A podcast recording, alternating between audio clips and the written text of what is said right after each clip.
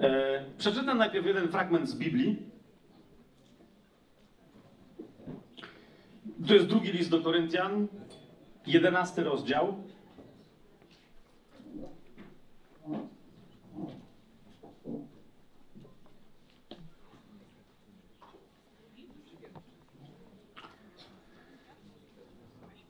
Drugi list do Koryntian, jedenasty rozdział, od pierwszego wersetu do trzeciego.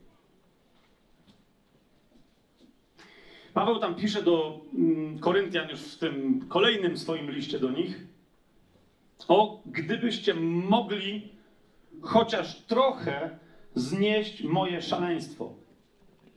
Tu mamy tłumaczenie w UBG, bo ja korzystam z UBG. Gdybyście mogli trochę znieść moje głupstwo.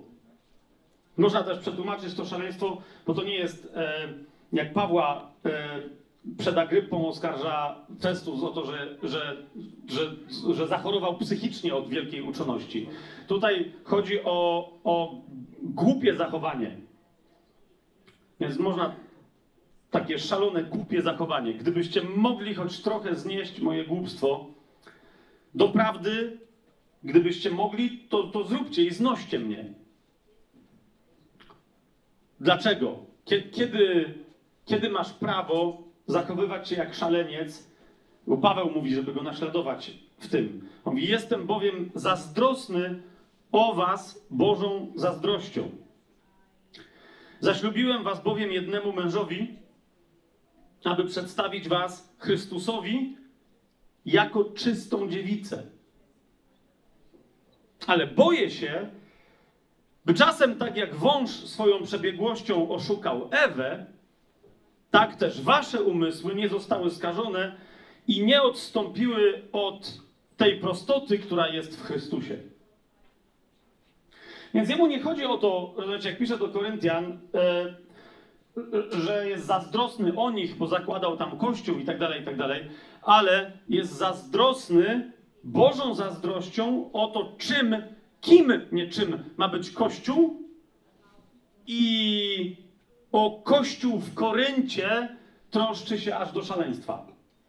Miałem parę y, rozmów, parę pytań i będziemy na to, cieszę się bardzo, bo będziemy na nie odpowiadać, ale też między innymi zostałem napomniany, e, że, że to jest, co tu robimy, jak zresztą od początku tajemnego planu, że to jest na granicy kabaretu i tak dalej. Jeszcze raz, e, jedna osoba przyszła, dla innych y, może to być problem, tak? Sposób, w jaki mówię lekko o pewnych rzeczach, że sprowadzam szybko do jednego mianownika różne rzeczy i tak dalej, i tak dalej, i tak dalej.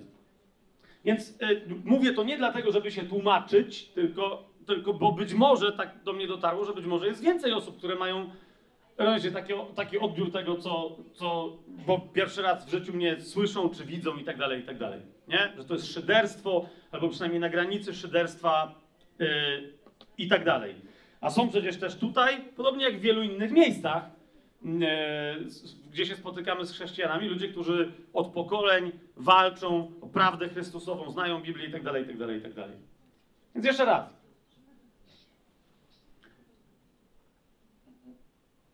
Będzie tylko gorzej. Albo lepiej. O co mi, tylko o co mi chodzi, żebyście mnie dobrze zrozumieli. E, jeżeli, tak? Je, jeżeli, ja, ja nie mam czasu. Ja nie wiem, ile wy macie czasu, ale chcę wyjaśnić mój sposób postępowania. Wielokrotnie to czyniłem, ale mogę to znowu zrobić, tak? E, my nie mamy czasu. Ja nie mam już, rozumiecie, nie mam czasu, żeby tłumaczyć kolejnym grupom chrześcijan, że Pan Jezus wraca. Żeby pokazywać ludziom, że to jest naprawdę kwestia w tym momencie być może maksymalnie 20 lat. Dokładnie taka jest moja teza. Za 20 lat, jak się spotkamy, Pana Jezusa nie będzie na ziemi, to albo będzie to już widać, że za chwilę będzie, albo możecie mnie powiesić ten duży palec u lewej nogi, naprawdę, żebym skruszał. Ponieważ wszystkie te rzeczy, które jeszcze 10, 20 lat temu były, 30 lat temu były nie do pomyślenia, gdy chodzi o, e, o znaki biblijne przychodzenia Jezusa, okej, dzisiaj na naszych oczach się wypełniają. Masę z nich. Teraz, oczywiście, jak zapytasz jednego, drugiego chrześcijanina, jakie to są znaki, to a, albo zacznie na gwałt szukać filmików na YouTubie zasadniczo pochodzących od adwentystów Dnia Siódmego, bo oni się nie boją rozważać e, rzeczy ostatecznych, albo ludzie dalej nie wiedzą. I nawet nie zauważają, jak są zwodzeni w kościele, tak, i to jest zwiedzenie, ponieważ zanim przyjdzie e, człowiek grzechu i syn zatracenia, Paweł mówi bardzo wyraźnie, że przyjdzie zwiedzenie do kościoła. Te, to, to odpadnięcie, o którym on pisze do Tesaloniczan, jest odpadnięciem od wiary i chodzi tylko i wyłącznie o wiarę chrześcijańską. Greka w ogóle nie, po prostu to jest jasny tekst. Tak? I teraz jak ludzie odpadają, tak jak Piotr o tym mówi, że przyjdą złoczyńcy do kościoła, którzy będą zwodzić kościół, mówiąc, gdzie jest obietnica jego przyjścia. On nie będzie wracał. Rozumiecie, jeżeli my żyjemy jako Kościół przekonany, że Pan Jezus wróci, ale nie w naszym pokoleniu, to już żyjemy e, tym zwiedzeniem, które ostatecznie się rozleje na cały Kościół i go podzieli. Dlaczego? Ponieważ jak Pan Jezus wróci na ziemię, to wróci z nami. Ok? I to jest do policzenia, zwłaszcza kiedy się pojawią na Ziemi pewne wydarzenia, od których Biblia mówi wyraźnie, odtąd dotąd będzie 7 lat, po drodze 3,5 i tak dalej. To jest do policzenia. Ale chodzi o to, że co jest nie do policzenia, to jest kiedy Pan przyjdzie po nas. Rozumiesz? I dlatego każde pokolenie chrześcijan, nawet jak wiedziało, że Pan Jezus tak ogólnie na ziemię wróci, żeby zaprowadzić swoje królestwo za ileś tam set czy tysięcy lat, to jest co innego niż to, że my dziś z chwili na chwilę mamy żyć świadomością, że on w każdej chwili może przyjść, żeby nas wziąć, żeby potem miał z kim wracać. I teraz w ogóle, rozumiecie, nawet jeżeli ktoś powie, no tak, ale to jest, wiesz, pochwycenie pretrybulacyjne, post, mit, coś. Jeszcze raz. Raz, że mieliśmy na ten temat bardzo, e, myślę, drobiazgowe rozważanie i studium biblijne na tajemnym planie możecie je sobie znaleźć na temat pochwycenia. Ale ja nigdzie nie spotkałem wyjaśnienia, rozumiecie, jest jasne, ewangeliczne powiedzenie Pana Jezusa, potem w Księdze Objawienia jeszcze mamy parę tekstów, które mówią wyraźnie, że Jezus wróci po swoich jeszcze przed wielkim uciskiem. Tylko to nie musi być cały Kościół, wręcz to nie będzie cały Kościół. Żeby być pochwyconym przed wielkim uciskiem, Biblia mówi wyraźnie, że trzeba być godnym w momencie jego przyjścia. Okej? Okay? Godny Kościół to jest ten Kościół, o którym w drugim liście do Koryntian w 11 rozdziale e, pisze Paweł. On mówi, boję się, żeby czasem się nie okazało, że oblubienica zostanie zwiedziona, jak została zwiedziona w Edenie e, kobieta, która miała symbolizować tę ostateczną oblubienicę. I teraz, kochani, e, jest tak. Ja się od siedmiu lat z tym spotykam i to jest, chcę, żebyście zrozumieli, że to jest wynik mojej decyzji. Ok? Cały czas jest, że Fabian, ale to delikatniej trzeba powiedzieć, tu są ludzie, rozumiesz, tu są pokolenia ludzi, tu jest coś, tu Kościół walty nie rozumiesz tego, tamtego i tak dalej. Szydera, wyśmiewanie, brak szacunku i tak dalej, i tak dalej, i tak dalej. To była moja decyzja, ponieważ nie mamy czasu, rozumiecie? E, kiedy ja mówię, ok, siądźmy do stołu, zróbmy debatę biblijną. Księży katolickich zaprośmy, pastorów, nauczycieli. Tu macie w Warszawie genialne szkoły. Ponoć. Pod pewnymi względami są genialne, ale no, nieważne. Nie? Uczą teologii i tak dalej, i tak dalej. Super! Siądźmy. Dlaczego w takim razie nie ma tej debaty, do której zapraszam, nie w ramach której, rozumiecie, nie debaty, żebyśmy się kłócili, bo to jest idiotyczna debata, jak się ktoś, wiecie, kto zrobi lepszy show i potem ludzie uwierzą, że on miał rację. Nie! Debaty, w ramach której będzie, rozumiecie, pokazywać różne punkty widzenia, czytać Biblię, mówić, zaczekaj, to, a to, ale na to można spojrzeć tak, żeby Kościół nas posłuchał, znaczy nie nadających na siebie nawzajem, tylko żeby nas posłuchał w momencie, kiedy my ze sobą rozmawiamy, kiedy się nie zgadzamy. I teraz rozumiecie, e, co i róż dociera do mnie informacja, że tu, tam, siam, nie wolno słuchać tajemnego planu, Błaszkiewicz jest głupi, gdy chodzi o to, chodzi, gdy chodzi o tamto, tylko, że to się dzieje w kuluarach, nikt mi nie powie tego w gębę. Podobnie jak nie tylko mnie, bo nie chodzi o to, że ja jestem jakąś ofiarą, bo mi nie zależy, tak? Jak z kościoła katolickiego odszedłem, a byłem wtedy, jeszcze nie było YouTube'a, a byłem dosyć sławnym księdzem, to rozumiecie, że były całe takie specjalne spotkania organizowane, na których moje płyty jako księdza palili na stosach i tak dalej, i tak dalej. Były takie jazdy. Moja narzeczona, wtedy jeszcze ona się bała dawać informację, że w ogóle by chciała za mnie wyjść za mąż, bo się bała, że jej ktoś coś zrobi. Rozumiecie, tam z różnych tych takich bardziej oszołomionych środowisk. Więc mi- mnie to nic nie robi, tylko chodzi mi o to, że ja patrzę, rozumiecie, na te pseudo, pseudo kulturalne, pełne szacunku do siebie nawzajem dyskusje w kościele i ja mówię wyraźnie, ja mam dosyć. Więc rozumiecie, e, ktokolwiek z was mnie zna prywatnie, wie, że ja prywatnie już gorszy nie będę, niż jestem publicznie. Nie chodzi mi o to, żeby, wiecie, robić z tego jakieś wielkie halo. Możecie się śmiać, tylko chodzi o to, że naprawdę tak jest.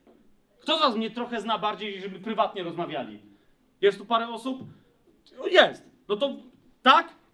Ja nigdy, rozumiecie, to, to, co mam na sercu, co myślę o Kościele, co myślę o doktrynach i tak dalej, mówię to tu dokładnie tak samo jak prywatnie. Dlaczego? Właśnie dlatego, a powiecie, żeby nawet dostać w pysk, żeby dokładnie ktoś mi powiedział, ale Damian, tu delikatnie i tak dalej. Może jestem niedelikatny, ale to ty to przemyśl, proszę cię, przetraw i kulturalnym językiem, y, zachowaniem i tak dalej, pójdź dalej, rozumiesz, i przekaż tam, gdzie ja już nie dotrę ze swoją chamskością z Nowej Huty pod Krakowem. I po prostu. To jest poważna sprawa. To jest poważna sprawa i owszem, owszem, jeżeli postrzegam pewne rzeczy w organizacji, którą ci albo tamci nazywają kościołem, a uważam, że jest niebiblijna, to mnie, jeszcze raz powtórzę, nikogo nie chcę urazić, zrozumcie, ponieważ szanuję ludzi i znowu ci, którzy mnie znają, wiedzą jak często i mówię, posłuchaj, ten gość może ma takie, takie, takie, takie poglądy, ale zobacz, chłop od 80 lat y, robił tylko i wyłącznie to, szacunek do niego. Niekoniecznie do jego poglądów dzisiaj, tak, ale szacunek do niego, do, do świadectwa jego życia. I nie może być inaczej. No nie tak jest? Sąsiada się mojego pytam, on mieszka drzwi w drzwi ze mną. To rozumiecie? Piotr. Ten od razu oblukał zdjęcie.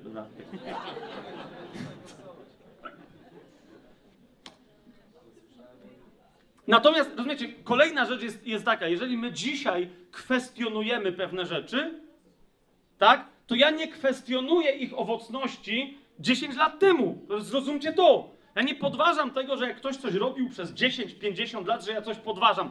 Ja tylko zadaję pytanie, czy dzisiaj Dlaczego? Bo jak żeśmy mówili, że kościoły będą zamknięte wszędzie na świecie, to wszyscy się z nas śmieją. Jasne, a zaraz po tym przyjdzie Pan Jezus.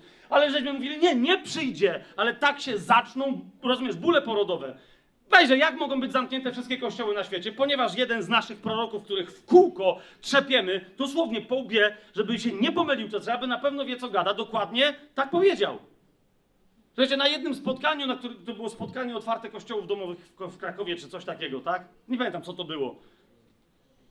E, ale to była modlitwa przed tym spotkaniem. O to spotkanie w ogóle nie było tematu. Rozumiecie, jak myśmy nie chcieli słuchać, w pewnym momencie nagle jeden, jeden prorok mówi, nadciąga na całą Polskę duch grozy. I wy teraz go gromicie i macie go dalej gromić, żeby on się nie rozlał i nie zniszczył podstaw, które Pan teraz dopiero buduje na przyszłość działania Kościoła i na głoszenie Ewangelii, która się wydarzy za parę lat. To było, rozumiecie, e, ty, tam też byłeś, nie? No, ty chyba nawet to proroctwo powiedziałeś. To, czy, czy to była Sara? Nie pamiętam, ja nie pamiętam. Ale Sara, a ty zapytałeś wtedy, czy chodzi o Polskę, czy chodzi o cały świat. I rozumiecie, odpowiedź była, że w zasadzie to cały świat, ale jakby to myśmy tam sami byli zszokowani zaraz, czyli jednak, ale co się ma stać? Wojna, zaczną strzelać bomby atomowe, co się będzie działo? A dosłownie parę tygodni później, za niedługo, rozumiecie, pozamykali absolutnie, y, absolutnie wszystko. I teraz z całym szacunkiem, jeszcze raz, ale większość kościołów, tak jak one funkcjonowały do tej pory, jeszcze raz, i to dla mnie było, zrozumcie, moje szaleństwo wynika z tego, że ja kocham Kościół. I nie, nie idzie mi o to, że chcę robić rewolucję, ponieważ, rozumiecie, mi nie pasuje to, jak wygląda protestantyzm, tak jak go sobie wyobrażałem, a mi teraz nie pasuje, bo jestem byłym jezuitą i byłym katolikiem i teraz będziemy wszystko rozwalać. Nie! Tylko, tylko wychodząc stamtąd, y, zresztą Bóg mi kiedyś powiedział wyraźnie, że te prawie 20 lat w kościele katolickim w zakonie miałem, miałem mnie uczulić na religię i jej truciznę. I chodzi mi o to, że to jest niemożliwe, jak bardzo nie byłem w stanie znaleźć no, kościoła, który by się różnił od struktur y, i ducha kościoła katolickiego w Polsce. O to mi idzie. To, że ja tam spotykałem i spotykam cały czas ludzi, którzy żyją, którzy chcą iść za Panem i tak dalej, i tak dalej, to jest jedno, A to, że nam się, na, nie, nie to, że w Polsce, nie to, że ten czy tamten, ta domina, denominacja, tamta, ten pastor i tak dalej. Rozumiecie, to nie, nie że, że to, że nam się wszędzie na świecie przestało udawać odpowiadać Bogu e, budową kościoła taką, jakiej on chce, to my musimy wreszcie, rozumiecie, po pandemii, tych, tych, tych dwóch latach stanąć, rozumiecie, sami ze sobą, oko w oko, spojrzeć sobie w oczy w lustrze i powiedzieć, zawiedliśmy. Kogo? Ludzi? E, No właśnie, to jest dobre pytanie. Gdzie był Kościół w momencie, kiedy, rozumiecie, kiedy myśmy, nagle się okazało, nie ma, pozamykali wszystkie, e, wszystkie zbory w Krakowie, w Tarnowie, w Sędzie, całe południe Polski, gdzie się ktoś spotyka, nigdzie się nie spotyka. Rozumiecie? Myśmy nagrali wtedy z Tymkiem na tajemnym planie jakieś tam, że jak my będziemy postępować, my nikogo nie chcemy zarazić i tak dalej, i tak dalej. Nie głosimy jak oszalali charyzmatycy, że my się będziemy uzdrawiać i nam się na pewno nic nie stanie. Ale rozumiecie, myśmy wtedy nie wiedzieli, co będzie, to wtedy żeśmy wsiedli, pamiętasz, to ja mówię, ty, ale jak będziemy rozno- rozwozić maseczki, usługiwać ludziom w kościołach i tak dalej, i tak jak się zarazimy i umrzemy, czy ty jesteś gotowy, pamiętasz to? I to dla nas to, bo rozumiecie, to jeżeli my w ramach tego umrzemy, to chodzi o to, że my na to jesteśmy gotowi, a nie będziemy sobie wmawiać, że Bóg nas uzdrowi, że coś tam, że mogą się różne rzeczy zdarzyć. My mamy zdrowie przez Jego rany, ale ja nie wiem, czy ja mam, rozumiecie, aż taką głęboką wiarę, żeby w obliczu zastraszenia, żeby się nie poddać duchowi choroby i nie umrzeć nawet. Nie wiem. No dobra, teraz już trochę wiem, ale nadal nie cwaniakuję, ponieważ to, co wiem, to nie jest jeszcze to, co bym chciał wiedzieć. Ale gdzie był, rozumiecie, jak wiele osób się zgubiło wtedy, które były święcie przekonane, że Kościół, że to, że to jest wszystko, rozumiesz, i, i nam wtedy wszyscy mówili, Fabian, atakujecie struktury, nie lubisz pastorów i tak dalej, jestem jak najdalszy od tego. Rozumiecie? Ludźmi, którzy uważam, że są największymi ofiarami tego, jak Kościół w momencie zaczął wyglądać, są właśnie pastorzy ponieważ to nie oni w większości y, y, manipulują ludźmi, ale ludzie, którzy nie chcą wziąć odpowiedzialności za swoje powołanie osobiste, oni zrzucają to, tą odpowiedzialność na pastorów. Wiecie, i to czasem pastorzy walczą z tym, żeby nie dać z siebie zrobić złotego cielca i koniec końców i tak lądują dokładnie na takim ołtarzyku i nie wiedzą, co mają ze sobą zrobić. Teraz jak byliśmy w Austrii, jedna z rzeczy, którymi się w końcu nie podzieliłem, ale Reinhardt się podzielił, to była informacja. Ja miałem post z Facebooka, który mi ktoś przesłał, że rok rocznie parę tysięcy pastorów rezygnuje z pracy w Stanach Zjednoczonych. Dobrze mówię? To było parę tysięcy, Tymek, nie? A Reinhardt miał najnowsze dane, które, które pokazał, że nie rok rocznie, tylko co miesiąc 1600, mniej więcej średnio 1600 pastorów teraz co miesiąc w Stanach Zjednoczonych rezygnuje z tej pracy. I niedługo się po prostu skończy pastorowanie, jak tak dalej pójdzie. Że tych kościołów w Stanach jest oczywiście bardzo dużo i my Stanom Zjednoczonym, yy, gdy chodzi o wiarę ewangeliczną, teologię biblijną i tak dalej, wiele za, zawdzięczamy, ale i tam, i tutaj, i w takich kościołach, z którymi my mamy cały czas kontakt, które nie mogą się organizować tak jak my na Zachodzie, z kościołem prześladowanym pod, pod butem islamskim i perskim w Iranie. Mamy kontakt. Mamy kontakt z podziemnym, nielegalnym, prześladowanym teraz znowu potwornie kościołem chińskim, ewangelicznym. To znaczy, mamy nawet kontakt z chrześcijanami e, w Korei Północnej. Rozumiecie, to chodzi mi o to, że my powinniśmy Bogu dziękować, że my nie mamy tego typu sytuacji, ale weź mi wyjaśnij, jak, rozumiecie, nieważne to, to, czy to jest szydara, to co ja mówię, czy nie, ale jakim cudem my w Polsce, rozumiecie, musimy zbierać parę milionów złotych, żeby zrobić jeden dzień akcji ewangelizacyjnej na ulicy jakiegoś dużego miasta w Polsce, a w Korei Północnej Rozumiesz, chrześcijanie są zamykani w obozach koncentracyjnych, mają karę, w ramach której, wiele kar, ale jedną z kar jest, że nie wolno im podnosić głowy tak, żeby spojrzeć na kogoś, muszą patrzeć najdalej na koniec swoich butów. Rozumiecie, dostają chorób kręgosłupa i tak dalej, i tak dalej, i tak dalej. Tak? Nie wolno im rozmawiać z nikim w obozie koncentracyjnym. I w obozach koncentracyjnych zakładają kościoły domowe. Rozumiecie to? Znaczy domowe, nie jak to nazwać, bo na przykład spotykają się na 20 minut, ale parę razy dziennie za toaletą gdzieś tam. I się modlą. Rozumiecie? Także z zewnątrz albo nikt nie wie, co się dzieje, albo czasem Duch Święty przysłania ich, ich kompletnie. Nie wolno im rozmawiać. I teraz myśmy, kiedy to było, dwa lata temu, trzy, dostaliśmy już wtedy od nich informację, że jeżeli w Korei Północnej pojawi się wola polityczna na godzinę, żeby chrześcijanie wyszli na ulicę i zaczęli otwarcie głosić, w Korei Północnej, w takiej, rozumiecie, że w momencie, jak ktoś odkryje, że ty wyznajesz imię Jezus ustami, choćby szeptem, to ci zatłuką całą rodzinę albo wrzucą ją do obozu koncentracyjnego. Oni mówią, że w tym, teraz to nawet nie wiem, ale wtedy to było ile, Tymek? 400 tysięcy ewangelistów wychodzi z minuty na minutę na 400 tysięcy. Rozumiecie? We wszystkich miastach wychodzą z domów i głoszą na swoim osiedlu. Rozumiecie o co mi chodzi? Jak oni to się mają? Jak oni, jak oni, jak oni, oni dokładnie tego wszystkiego nie mają. Teraz ja nie chcę powiedzieć, że z tego powodu są w takiej gotowości, ale może powinniśmy zacząć rozważać sytuację, to znaczy jak to jest, że w 70 latach, kiedy bardzo swobodnie w Iranie można było głosić Ewangelię, tak stosunkowo swobodnie, tak? Stany Zjednoczone tam były obecne, misjonarze mogli przyjeżdżać, było 70 tysięcy ewangelicznych chrześcijan w 70 latach w Iranie. Ok? W momencie, kiedy się tam doszło do przewrotu, zmienił się rząd, e, stał się bardzo antyamerykański, antyzachodni itd., itd., itd.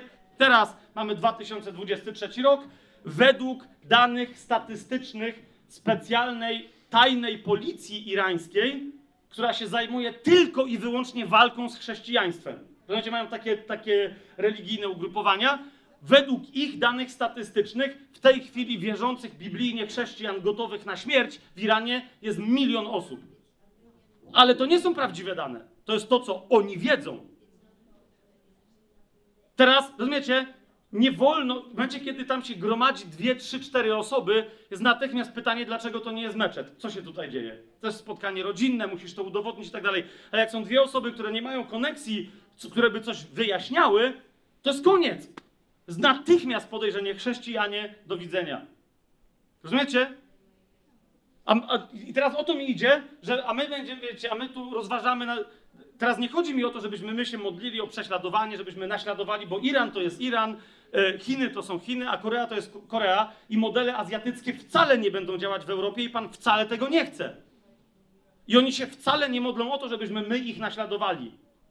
Ani się nie proszą, żebyśmy my się za nich modlili, jak my się często modlimy, żeby im ulżyć w cierpieniach, bo oni wcale nie cierpią.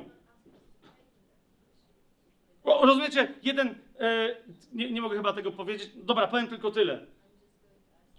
Jeden z naszych braci w Chinach modlił się przez bardzo długi czas, dlatego że wszyscy z jego kościoła zostali zaaresztowani, wiele osób zginęło, reszta siedzi po więzieniach i jego jednego nie aresztowano. Wiecie, i on, jedyny temat jego modlitwy i rozmowy z Bogiem, to był temat, Panie, w czym ja Ci zawiniłem? Co ja zrobiłem, że ja nie jestem godny móc cierpieć dla, dla imienia e, e, Twojego Syna, mojego Pana Jezusa? Co ja Ci zrobiłem? I teraz popatrzcie, rozumiecie, to- jest jakby, to jest jasne, cały, cała reszta kościoła go nie oskarżała, ale też mieli taką myśl, co on tam Bogu zrobił, że... Nie? A teraz zobaczcie, jak ja to mówię, jakie to jest wstrząsające u nas w Polsce. A oni, rozumiecie, a im się nie wolno spotykać. Jak się już spotykają, jeden z, z takich przykładów to jest, y, już w tej chwili jest chyba zamknięta, no bo tam pandemia to, to też zamknęła, ale w pewnym momencie to był kościół, który się spotykał w kawiarni, którą, czy w restauracji, którą ktoś prowadził, gdzie nie było podsłuchów, ale były kamery, które wiadomo w Chinach, wiecie, wszystko jest inwigilowane. Więc ludzie przychodzili tam do środka, do tej, zajmowali wszystkie stoliki, coś tam zamawiali, udawali, że ze sobą, roz, rozumiecie to, tak jak my teraz siedzimy, ale roz, udawali, że w ogóle ich reszta nie interesuje, że ze sobą rozmawiają. Natomiast jakbyście zobaczyli nagranie stamtąd, to by się okazało, że pani, która stoi za kasą i tam coś liczy, ona głosi kazanie. A cała ta reszta, rozumiecie, patrzą na siebie, jak tacy, takie, takie łosie, takie, rozumiecie, patrzą na siebie i robią... Tu nic nie, oni słuchają kazania. Rozumiecie, grają, że się tu w ogóle nic takiego nie odbywa. Ile, wiecie, ile dziwnych rzeczy muszą oni zrobić, żeby czasem móc się spotkać w ten sposób, zakamuflowawszy sam fakt, że się spotykają. Więc jeszcze raz jest pytanie, i oni nie mają kościoła? I my tam pojedziemy ich uczyć na temat kościoła? Czy teraz, wiecie o co mi chodzi? Więc to jest, jeszcze raz, jest zasadne pytanie. I teraz, jeżeli ja jestem surowy, brzmi niektórym dla was, niektó- dla niektórych z was raniąco, to w jaki sposób pewne rzeczy mówię i jak je stawiam, to dlaczego? Bo po pierwsze, nie mamy czasu, a po drugie, jest czas najwyższy, żeby wreszcie ktoś zadał takie. Słuchajcie, ja jestem gotowy, żeby mnie nigdzie nie zapraszali, żeby mnie wywalili zewsząd, co się w zasadzie e, w wielu miejscach stało, żeby, rozumiecie, żeby mówili najgorsze rzeczy na mój temat. Ale jeżeli następnie zacznie się ferment w kościele, ktoś powie, dobra, Błaszkiewicz przegiął, to nie wolno tak mówić. Ale w zasadzie zadał dobre pytanie, więc jakby rozmawiajmy lepszym językiem niż on. To o to mi dokładnie chodzi. Ja nie muszę być żadnym, rozumiecie, sędzią, arbiter elegancjarum, komuś wyjaśniać, jak się tam sprawy mają. W ogóle mnie to nie interesuje. Dostałem jasne słowo o, e, po moim nawróceniu i po moim chrzcie e, wodnym, że moim zadaniem jest być pługiem, który idzie i orze przez ludzkie serca w Polsce. I ja wiem o tym, że to w jaki sposób się zachowuje, mówię i tak dalej, i tak dalej, będzie wiele osób ranić, ale to jest potrzebne, ponieważ gdyby nie taki pług, nie mogłoby tam głębiej wpaść ziarno Słowa Bożego. Nie tłumaczę się, nie tłumaczę się, tylko zrozumcie, jeżeli komuś zadaje ból nawet, to przepraszam za ten ból, ale nie przepraszam, że tak robię będę tak dalej robił. Dyskutujmy o Kościele, ale dosyć już, rozumiecie, obwąchiwania się, obmacywania i potem rozchodzenia się i obgadywania się w kuluarach. Ja mam tego dosyć. Tak, taki jestem. Kiedy będę gadać o tym spotkaniu, będę, rozumiecie, prywatnie z moją żoną, z, z, z ludźmi, którzy są moim kościołem, to będę dokładnie tak samo gadał. Nie będę go, no, na, nawet, nawet powiedziałbym, że ja nigdy tak nie gadam. No nie? Najgorszy jestem dokładnie, jak się pokazuje ludziom, żeby już gorzej być nie mogło. Gdybyście mogli chociaż trochę znieść moje szaleństwo i moją głupotę, pyta Paweł, i to jest moja prośba do was. Znieście mnie. Ok? Ale, ale, ale jeszcze raz, albo nie znoście mnie. Zróbcie sobie ze mnie piorunochron, walcie we mnie, ale nie zostańcie obojętni. Dlaczego? Ponieważ idziemy na zagładę i na zatracenie. Ok? Jeżeli przez 500, 600 lat ja tego nie neguję, e, e, reformacja i tak dalej, pozwalały ludziom podnosić się, masowo się nawracać, kolejne przebudzenia. Rozumiecie, to, to jest dziedzictwo, do którego ja się regularnie odwołuję. I jeszcze raz powtarzam, nawet takiego gościa, którego nie lubię całej jego teologii, jak Calvin, na tyle ją znam, że wiem, co u niego lubię. Rozumiecie, o co mi idzie? I, ty, I mówię o tym otwarcie. Mogę potem wyjaśnić, czego nie lubię, dlaczego to lubię, co się dzieje. Ale jeszcze raz, gdy chodzi o strukturę kościoła, w ogóle mnie nie interesują koncepcje Kalwina, Lutra i tak dalej, bo to było kiedyś. Rozumiesz, nie interesują mnie koncepcje ludzi, którzy mówią, my 20 lat temu, 40 lat temu się nawracaliśmy i to dlaczego? Bo zobaczcie na wszystkie przebudzenia w historii. Rozumiecie? Kolejne pokolenia dzieci przebudzeniowców robią dokładnie to samo, co ci ludzie, którzy prześladowali ich ojców. Jeszcze raz, nie musi tak być, ale najczęściej tak jest. My mieliśmy genialne w Polsce przebudzenia zielonoświątkowe, bo zwłaszcza te są mi bliskie. Cały czeski Cieszyn, rozumiecie, e, e, tereny Sądeczyzny i te, na południu, one są znane. One są znane. Mamy jedną siostrę, przez którą zresztą tutaj jeden z, z, z, was obecnych w końcu teraz przyszedł, jeszcze raz, halleluja, mówi, że się o, ochrzcił dwa lata temu i tak dalej, super. A w momencie jej babcia, yy, mniejsza o to gdzie, ale na Sądeczyźnie była uważana za czarownicę. Dlaczego? Bo nie chodziła do kościoła, nie miała w domu świętych obrazków. W momencie, kiedy przychodzili do niej chorzy, to wychodzili zdrowi. Plus prorokowała. No czyli wiadomo, no czarownica najwyższych lotów, wróżka, uzdrowicielka, wszystko gra, tak? A to, że miała Biblię i tłumaczyła ludziom i za niektórych się nie modliła, bo przychodzili do niej ze złymi intencjami, to o tym już niektórzy nie, nie pamiętali. Nie? Ta natomiast, ona jak przyszła do nas, mówi, że ona w zasadzie zawsze łaknęła Boga i tak dalej, i tak dalej, ale mówi, ale no jest, no nie, że, no nie, żebym była czarownicą, ale moja babcia była, to nie wiem, czy na mnie nie przeszło. Rozumiecie? A tu się okazuje, że ta babcia w niej widziała i prorokowała osobę, która kiedyś znajdzie się w zupełnie nowym kościele, który będzie inaczej wyjdzie do, do religijnych ludzi w Polsce. Ale najpierw ona sama musiała sprawdzić tam domeczek, Biblię po babci, które miały. I ty, rzeczywiście, to jest w ogóle to nie była żadna czarownica. Ja w to uwierzyłam.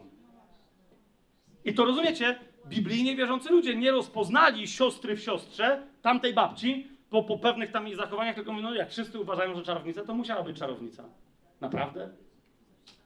Więc jeszcze raz, jeszcze raz, kochani, e, nas jedyne, co może interesować, bo to jest jedyne, co nas może jako społeczność uratować, ok?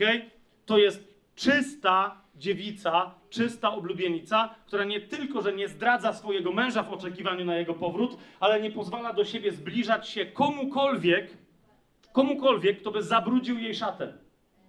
Po prostu. Tak? Ponieważ szata ma być śnieżno-biała, to nie to, czy ma dalej wianek dziewiczy, czy nie ma, rozumiecie, świadczy o tym, czy, czy, czy dobrze narzeczona na swojego męża czekała, tylko to, czy cała jest czyściutka. Przyszła do mnie jedna pani i ten, i to, a bo to myślę, że to jest ważne, żeby to sobie wyjaśnić. Mamy otwarcie dyskutować w kościele o jego, y, o jego formie. I jeszcze raz powtórzę, z całym absolutnie szacunkiem, absolutnie, wiecie jak po polsku się czasem mówi, z całym szacunkiem, a potem mówisz komuś, e, nie, że, że go nie szanujesz. Ale nie naprawdę, z całym szacunkiem do wszystkich, którzy w tym kraju pracowali, nie tylko w tym kraju, na tym kontynencie, walczyli o, o Słowo Boże, o czystość przekazu, o prawdę doktrynalną, rozumiecie, o rozumienie Biblii, głosili, zmagali się i tak dalej. Być może, że my teraz w tym pokoleniu będziemy mieli szansę wielkiego przebudzenia w tym kraju, czy nawet na tym kontynencie, właśnie dlatego, że te pokolenia wcześniej cierpiały, nie miały żadnego owocu. Zrozumcie mnie, to jest to. Jest to. Ale my w tym pokoleniu musimy sobie zadać pytanie, czy oblubienica jest czysta. Kapujecie? Jeżeli ja znajduję dziewczynę w łóżku nie z jej mężem i ona mówi, nie, nie, ale bo chłop mi tu Biblię tłumaczy, pod jedną pierzyną, to jest, rozumiecie? I teraz ja mówię, chamie, wyskakuj z tego łóżka.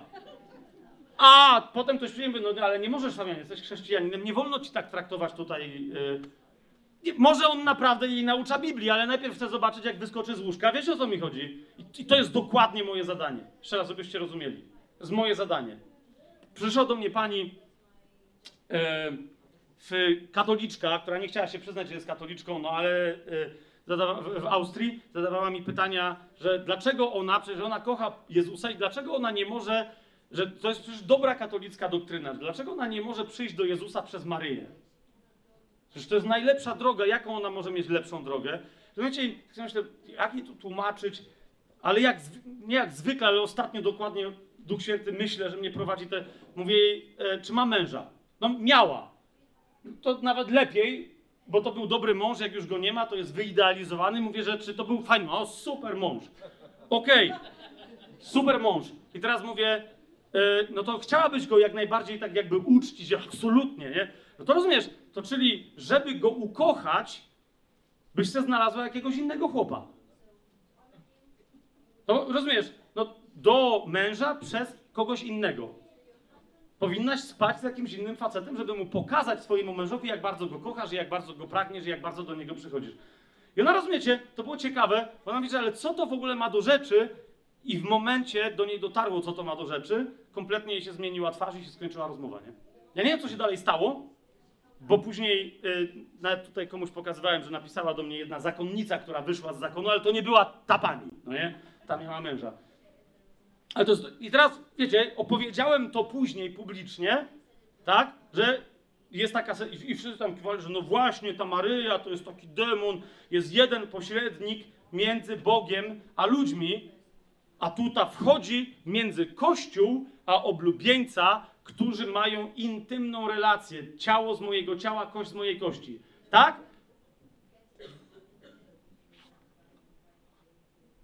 Maryja, Maryja, Maryja, Maryja, przez Maryję do Jezusa, przez Maryję do Jezusa, przez Maryję do Jezusa, przez Maryję i tak dalej.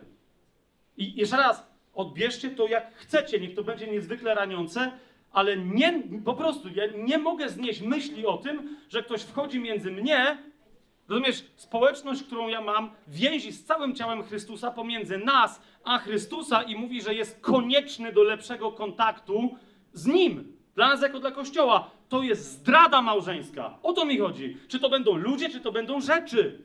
Po prostu. Rozumiecie? I teraz ja wiem, że, nie wiem, pokolenia że na chwilę tylko tego, że pokolenia chrześcijan były budowane na nauczaniu, że kobietom tam czegoś nie wolno robić. Że pokolenia chrześcijan były bardzo dobrymi pokoleniami, bo płaciły dziesięcinę. Że pokolenia chrześcijan były bardzo dobre, bo chodziły na nabożeństwa i tak dalej, i tak dalej. Ja to rozumiem. To moje pytanie brzmi, czy dzisiaj na tym etapie nie mamy wreszcie, rozumiecie, jeżeli przyjdzie deszcz wczesny i późny naraz, to znaczy, że moc Ducha Świętego dotknie całego świata, nie tylko Kościoła, przynajmniej dwakroć bardziej niż wtedy, kiedy zaczął się Kościół po pięćdziesiątnicy. Rozumiecie to? Teraz sęk w tym, że jeżeli Kościół dzisiaj jest wyznawcą zdrady, zostanie przez to wylanie Ducha Świętego zmieciony. O tym mówi Piotr, kiedy mówi, że jest pora, żeby sąd zaczął się od domu Bożego. I to nie. Rozumiecie, jak, jak, jak my przyjdzie do nas Duch Święty i zacznie ja mówić, że to jest zdrada, to jest zdrada, to jest zdrada, a my odpowiemy, no ale tradycja, ale coś przecież to przynosiło owoce, ale my jesteśmy odpowiedzialni za nasze owoce teraz, w tym pokoleniu. I nie może uzasadniać naszego dzisiejszego owocowania owocenie, owocowanie poprzednich pokoleń. Proszę Was. Szanujmy dokonania poprzednich pokoleń całego Kościoła oraz tego, co się dzieje w różnych miejscach na świecie. Ja też znam kościoły ewidentnie tradycyjne. Naprawdę takie, że to, rozumiecie, kobiety nie mogą tam w ogóle przejść przez próg bez sukienki. Mają specjalne sukienki wypożyczane, żeby móc w ogóle wejść, nakrycia głowy i tak dalej, i tak nadal świadectwo w tych kościołach ludzi, którzy po prostu mówią, okej, no to jest tradycja, ale potem jak zobaczysz ich życie, prawdziwą społeczność i tak dalej, nagle okazuje się, że oni to zachowują dla świętego spokoju, ale, ale rozumiesz, chce się żyć w takim kościele z takimi relacjami, z takimi ludźmi. Natomiast, natomiast problem dzisiaj kościoła polega na tym, to co ktoś powiedział tu zupełnie na sam koniec. Oczywiście była to młoda osoba, tak? Że dla wielu ludzi kościół to jest jakiś sposób na wyznaczenie sobie celu w życiu. Po prostu jesteśmy chrześcijanami i wtedy zadajemy pytanie, no i co teraz? Widzisz, Kościół zaczyna się dokładnie. My mamy tak, najpierw trafiamy do społeczności, nie? potem tam nam wszyscy mówią, że jest my, że służba, że coś tam, ale poddajemy się tej społeczności i wtedy jako indywidualne osoby zaczynamy się dostosowywać. Tymczasem nie tak wygląda proces Biblii budowania Kościoła. Dlaczego? Ponieważ koniec końców my nie staniemy na Trybunale Chrystusa jako, jako społeczność. Wiecie o co mi chodzi? Każdy będzie musiał stanąć tam sam i być oceniony sam przez Pana. A więc Pan zada Ci pytanie o Twoje życie. Rozumiesz? Nie będzie Cię pytał, ile trwało uwielbienie w Twoim kościele i jak długo na językach się modliłaś w domu i ile to... Nie. Pytanie będzie proste. Ojciec jest uwielbiony w owocach, które przynosimy. Tak? Ale owoce to nie jest coś, co my, na, rozumiesz, to mówimy, no to ja chodziłem do kościoła, robiłem to, robiłem, wykonywałem masę obowiązków. Czym to się różni od judaizmu i bycia posłusznym 613 przykazaniom, którymi, którym nawiasem mówiąc oni wcale nie są posłuszni? Czym to się różni? Rozumiesz, dobry uczynek to jest to, co ja robię na bazie swojej woli, wtedy, kiedy ja chcę, tylko w zgodzie z pewnym prawem. Wtedy Bogiem jest prawo. Bogiem jest zasada, Bogiem są zasady, Bogiem są reguły, Bogiem są pewne dogmaty, które my musimy, rozumiecie, przedstawić się innym, że ja wierzę w taki sposób i jeszcze najlepiej językiem, który inni powiedzą, tak, tak, to my też tak mówimy, nie? Mam to gdzieś, naprawdę mam to gdzieś. Czy słuchacie tego, co ja, ja muszę mówić twoim językiem, żebyś ty zrozumiał, że ja wierzę w to samo? Jeżeli tak, to już to jest zwiedzeniem. Ponieważ Bóg nie chce żadnej unifikacji, nigdy, nigdzie w Biblii o tym nie ma mowy, żeby była jakakolwiek unifikacja. Jeżeli jesteśmy zbawieni łaską przez wiarę, nie z uczynków, żeby się nikt nie chlubił, tak? Drugi do Efezjan, ósmy werset, to zauważ, że następ konsekwencją tego jest dziesiąty werset.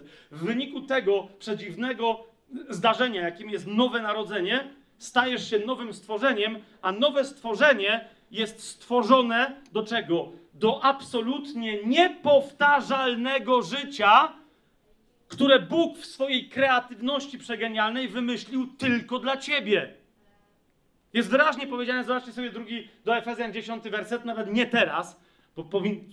nieważne, ale zobaczcie, jesteśmy stworzeni do dobrych uczynków, które Bóg z góry dla nas przygotował, abyśmy w nich postępowali. Ale chodzi o to, jak dobrze się temu przyjrzysz dla każdej, dla każdego z nas indywidualnie i potem my dokładnie z tego odpowiemy.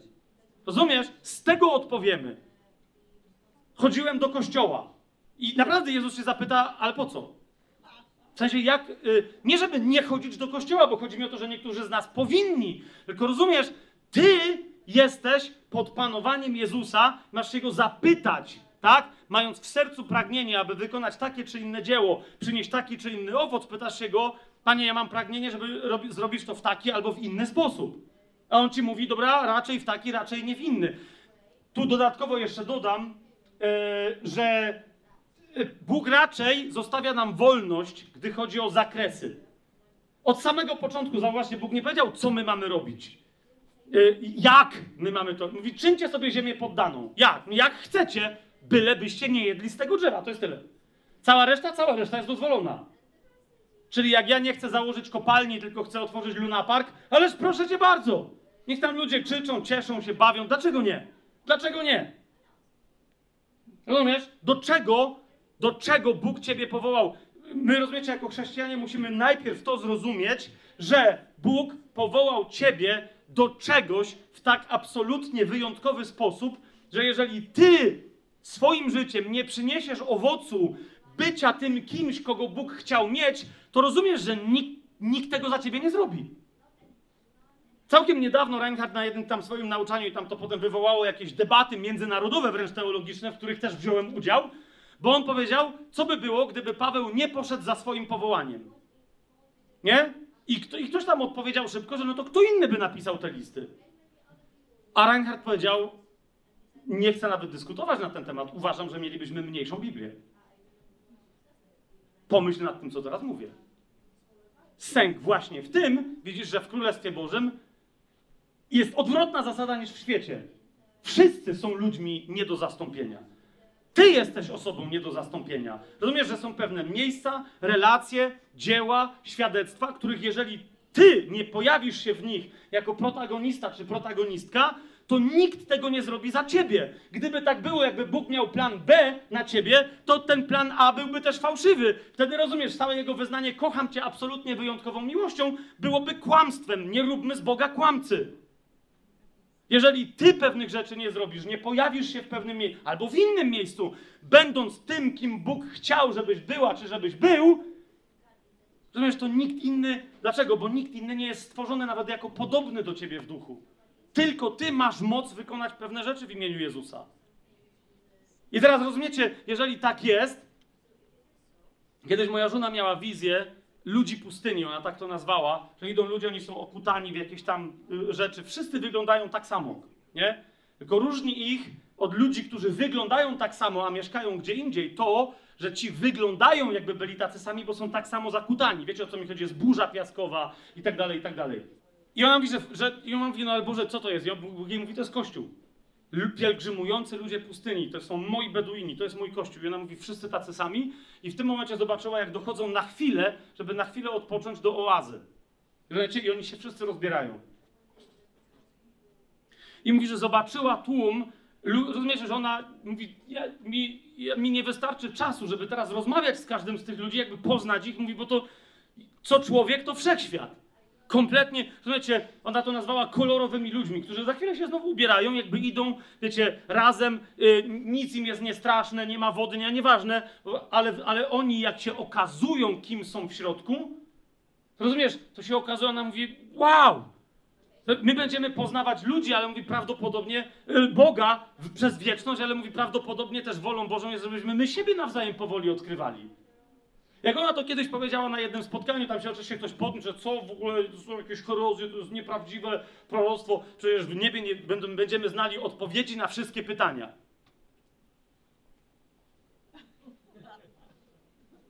Nie wiem jak wy, ale gdy chodzi o znajomość waszych prawdziwych imion, to ja wiem, że właśnie nie będę wiedział. Jest wyraźnie powiedziane, że, że Jezus zwycięzcą, przezwycięzcą da mały biały kamyk, na którym będzie napisane twoje prawdziwe imię, którego nikt nie zna, tylko ten, który daje i ten, kto otrzymuje. To nie znaczy, że ja nie będę wiedzieć, kim wy. Rozumiecie, chodzi o to, że prawdziwej tożsamości tego, kim Chrystus chciał być w tobie, czy chciał być we mnie, nie zrozumiem. Dlaczego? Bo to jest nieskończona tożsamość boska i ona nie może być do końca poznana. Ty możesz wiedzieć, kim ty jesteś, jako Chrystus, którym On chciał w tobie być. Ma to sens, co ja teraz, y, teraz mówię. I, ty, do, I nikt z zewnątrz do końca tego nie odkryje. To jest jedna z tajemnic. Nikt tego nie będzie wiedzieć. I teraz, czemu się tym spinać? Dla mnie to jest absolutnie fascynujące. Dlatego, że rozumiecie, jakby mi ktoś powiedział, że jak ja umrę, już nie będę się miał nic do uczenia, to dla mnie to jest piekło. W sensie, serio, wszystko będę wiedział, to nara, to naprawdę, wolałbym nie istnieć. A tu się okazuje, że nie. Masz, rozumiesz, całą wieczność do odkrywania kogoś, kto jest większy niż wieczność. Przewspaniały. Wpadniesz na kolejne tajemnice, mówisz, a, a za chwilę zaraz, ale jeżeli tak, to mam kolejne pytanie. Bam! I siedzisz z Jezusem i gadacie, rozumiesz, 16 tysięcy lat, na końcu mówisz, wow, teraz już wiem. Ale skoro tak, a Jezus mówi, czekaj, bo teraz y, następny w kolejce i Więc ro- rozumiesz, teraz popatrz, jeżeli tak jest, to jest końcówka listu do Galacjan, który mówi, że każdy z nas poniesie, poniesie i będzie odpowiedzialny za swój własny ciężar. Zauważcie, list do Efezjan, list do Filipian, który wyraźnie mówi o tym, żeby każdy z nas zgłębiał swoje serce, ponieważ nikt z zewnątrz nie może ci powiedzieć, jaka jest wola Boża co do ciebie. Dlatego, że Bóg jej nie objawia nigdy najpierw w ten sposób, ale najpierw dzieli się swoją chęcią, żebyś ty coś zrobiła, czy coś zrobił z tobą, zaprasza, a potem ci tłumaczy, jak już masz w sobie tę chęć, mówisz, okej, byłoby fajnie, to on ci potem nawet mówi, jak to zrobić. Rozumiesz? Więc dlatego, jak potem przychodzi z zewnątrz ktoś i prorokuje, Fabian, ja teraz mówię, dla mnie to jest proste. Jeżeli ja tego wcześniej. Co innego, jak on mi mówi, że za 7 lat. Ale jak mi mówi, co ja mam robić teraz, a ja wiem, co ja mam robić, i to jest niezgodne z tym, co mi Duch Święty powiedział, to ja go nawet nie słucham. Mówię, wiesz co, no to pomóc się teraz do Ducha Świętego, żeby mi powiedział to samo, co ty mi mówisz, bo ja nie wiem, co ty mówisz. A my rozumiecie, cały czas kościół, kościół, kościół, to, tamto, te. Nieważne, prześmiewczo, nie prześmiewczo, możemy tu napisać pięknym językiem teraz, żeby to się niby odróżniało od tego, jak niewierzący nas kojarzą. Czemu w, w związku z tym tak jest, jeżeli ten kościół jest taki wspaniały i nie jest to oblubienica? Rozumiecie, nigdy nie powiedziałem tego, że oblubienica to jest nierządnica. Ale musimy sobie jasno powiedzieć, że nierządnica w wielu miejscach udaje oblubienicę. Bo już byłem w kościołach, w których skonfrontowałem przywództwo tego kościoła, nie przy ludziach, tylko w, im w oczy powiedziałem, że są nienowonarodzonymi osobami. Tak? I były miejsca, w których ci ludzie mi przyznali, że tak jest. Ale kościół to jest dobry biznes. Teraz moje pytanie brzmi, co? Jak byli wychowywani ci ludzie, którzy tam są nowonarodzeni w tym kościele, którzy nie rozpoznają nierządnicy babilońskiej, która nimi rządzi? Rozumiecie? I jej słuchają, co niedziela, kazań tej nierządnicy i tak dalej, i tak dalej. Co jest grane? Musi być coś nie tak z kulturą kościoła dzisiaj, rozumiecie? I jeszcze raz powtórzę, nie spocznę, nie będę delikatnie gadał, nie będę rezygnować z szydery, dlatego, że jeżeli nierządnica nie chce się nawrócić, to trzeba ją potraktować prześmiewczo i szyderczo, żeby przebudzić tych, którzy myślą, że to jest święta. Bo nie jest. Teraz. Niechcący albo i chcący przeszliśmy dokładnie do tego, jak się buduje Kościół. Widzisz, jeżeli ty staniesz przed Panem, to on cię, dlaczego on cię zapyta o twoje indywidualne życie, skoro on chce mieć oblubienicę, oblubienicę, która jest jedną zbiorczą osobą? Dlatego, że na tę jedną zbiorczą osobę składają się święci, którzy indywidualnie żyją zgodnie z wolą Bożą. To jest jasne, co, co, co powiedziałem. Oblubienica dlatego ma być ubrana biały, lśniący, czysty len, nie bisior, tak jak w polskich wielu tłumaczeniach, a ten len to są ta szata oblubienicy, biała szata, o której kobiety marzą, jak, jak wychodzą za mąż, żeby w białej sukni, w welonie i tak dalej. Rozumiecie? Bo małżeństwo od zawsze jest proroctwem na temat Kościoła, który wychodzi za mąż za Jezusa. Co to jest ta biała szata? To są sprawiedliwe uczynki świętych lub też uczynki sprawiedliwości, które wykonują święci. A uczynki sprawiedliwości to nie są uczynki sprawiedliwości prawa mojżeszowego. To są uczynki pełnienia woli Bożej. Ok? Jeżeli ty chcesz pełnić wolę Boga, to przestań pełnić wolę Mojżesza. To jest proste. Rozumiecie, jak my możemy robić z człowieka, który był takim anarchistą, teraz nagle przykład kogoś, kto nam wprowadzał nowego Mojżesza do kościoła. Chodzi mi o Szymona Piotra. Należy słuchać Boga, a nie ludzi. Bardziej należy zawsze słuchać Boga, aniżeli ludzi. Jeżeli się zastanawiam, czy głos człowieka jest głosem Boga, zawsze, ponieważ mam osobisty z nim kontakt przez jedynego pośrednika, Jezusa Chrystusa, jedynego człowieka, który może być pośrednikiem Jezusa, to w tym pośrednictwie pytam Boga i potem sprawdzam, czy ten człowiek, który mi coś każe robić albo nie, czy mówi do mnie w autorytecie Bożym. Ktoś z was powie, ale ja mam owoce dawania na tacę, że jeszcze raz się do pieniędzy odwołam, albo dawanie dziesięciny. Ja tu się zgadzam. Tylko teraz rozumiesz, co, jeżeli w pewnym momencie Duch Święty chciałby ci powiedzieć, w tym jednym konkretnym miesiącu, proszę cię, nie dawaj dziesięciny, ponieważ potrzebuję tych pieniędzy twoich gdzie indziej. Widzisz, ja podawałem kiedyś ten przykład jako abstrakcyjny, a potem zaczęli do mnie przychodzić chrześcijanie, którzy mówią, ty, ale ja tak miałem. I co? No i tak nie zrobiłem, bo Czemu by miało sens, że dawałem wcześniej dziesięcinę i to się podobało Bogu, a teraz by się miało mu nie podobać? Nie wiem, czy słyszycie, co jest grane. Czyli jeżeli Bóg w ciągu ostatnich paru minut kazał ci jechać i skręcać w lewo, w lewo, w lewo, a potem nagle powie, a teraz skręć w prawo, to ty nagle mówisz, no nie, bo, bo Bóg mi zawsze każe jeździć w lewo? No, rozumiesz, słuchasz Jego, czy z pewnej sekwencji wydarzeń, nawet od Niego pochodzących słów, robisz się teraz prawo, w ramach którego już nie musisz słuchać Boga? Czemu mamy tak, wiele, tak wielu chrześcijan w kościele, którzy, znaczy, gadamy o kościele, o służbie, o misjach, o czymś, a potem ktoś przychodzi i mówi, Fabian, wszystko fajnie, ale do tego, co ty mówisz, trzeba słyszeć Boga. No, no, no tak. No, ale właśnie mam problem, bo nie słyszę. I, na, I nagle, rozumiecie, robi się wianuszek dookoła nas, nagle ktoś mówi, czy mogę się też przyłączyć, mogę się przyłączyć? Tak, pod warunkiem, że się przyznacie, jaki jest problem. My też nie słyszymy Boga. I, rozumiesz? Teraz, dlaczego chrześcijanin, jaka jest jedna, jedyna instancja, uważajcie na to, co teraz powiem. Możemy się znowu i o to pokłócić, kulturalnie, niekulturalnie, jak wy możecie mieć, bluzgać, nie ma problemu. Ale powiem to bardzo prosto. Pług 01. Ktoś, kto ma w sobie ducha, jest nowonarodzony, kto ma w sobie ducha, który z twojego ducha krzyczy Abba, tato. Ktoś, kto ma w sobie ducha, który krzyczy Maranata, Kapujesz? Ten, kto woła, jest, czyli kto jest nadajnikiem z twojego serca, jest też odbiornikiem. Zatem, zatem, to dlatego też, rozumiesz, dlatego tak wiele osób mówi, że ma dobrą relację z Jezusem, ale nie za specjalną z Ojcem. Jak można nie mieć dobrej relacji z Ojcem, kiedy rozumiesz, w wyniku twojego nowonarodzenia pierwsze co dostajesz to jest duch Syna, który woła Abba Ojcze. Jeżeli, rozumiesz, jeżeli ty jesteś w społeczności, która nie, wy, nie rozpoznaje u ciebie tego problemu, to już to jest dowodem na to, że nie to, że twój kościół jest zły, ale że to nie jest najwyraźniej dla ciebie kościół, ponieważ kościół jest albo zgromadzeniem pierworodnych, albo nie jest kościołem. Jedna z najważniejszych, jeżeli nie najważniejsza definicja Kościoła mówi o tym, że Kościół jest niewidzialny, że myśmy do niego przystąpili w duchu, a nie w ciele. To jest 12 rozdział listu do e, Hebrajczyków i mówi wyraźnie, gdzie pada nazwa Kościół, nie pada nazwa Kościół, ale, po, ale pojawia się sformułowanie Kościół, czyli zgromadzenie kogo? Pierworodnych. Zobaczcie, w innych miejscach to określenie w Nowym Testamencie odnosi się tylko i wyłącznie do Pana Jezusa jako do pierworodnego syna ojca, pierworodnego spośród braci, pierworodnego spośród stworzeń, ale koniec końców okazuje się, że my jako Kościół jesteśmy zgromadzeniem tak samo jak Jezus pierworodnych synów. Czy jesteś kobietą, czy jesteś mężczyzną. Syn wie, że jest synem, bo jego duch woła Abba, tatusiu do swojego ktoś raz był kiedyś w Jerozolimie, czy tam w Izraelu i tak dalej. Zdarzyło się wam kiedyś słyszeć e, dzieciaczka, który tam e, woła tatę. Nie, to, to, na, to nie jest takie jak my, Abba, wiecie, Abba, o, o, ojcze. I potem mamy takie dzikie, chodzi mi o to, żeby, wiecie, usłyszeć głos dziecka, które mówi do taty, tato z pełnym zaufaniem. Abba. Rozumiesz, i to jest tak, jak Duch Święty woła z ciebie. Teraz, dlaczego? Żeby konfrontować twojego ducha, czy ty się czujesz komfortowo, kiedy Duch Święty tak się zwraca do Ojca.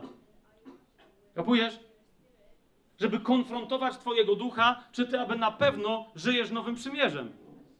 Jak, jak, jak, co ma wspólnego ojciec?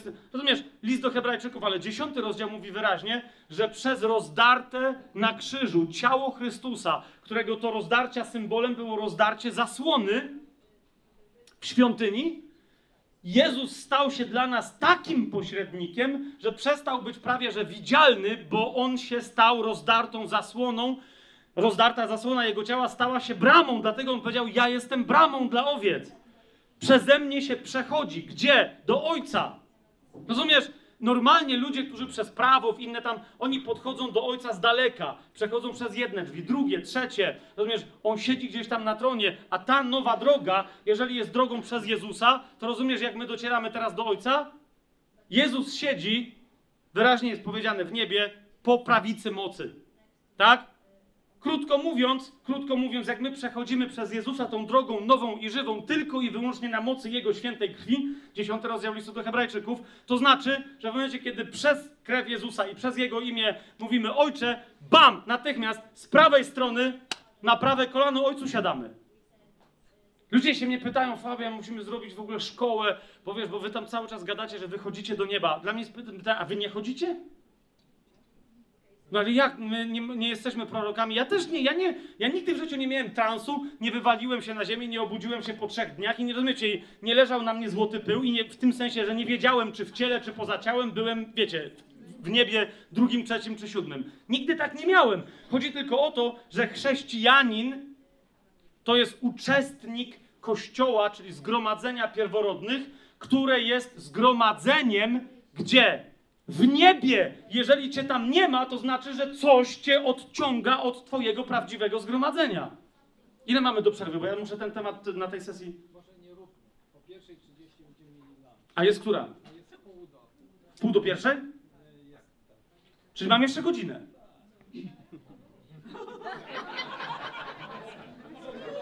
Okej.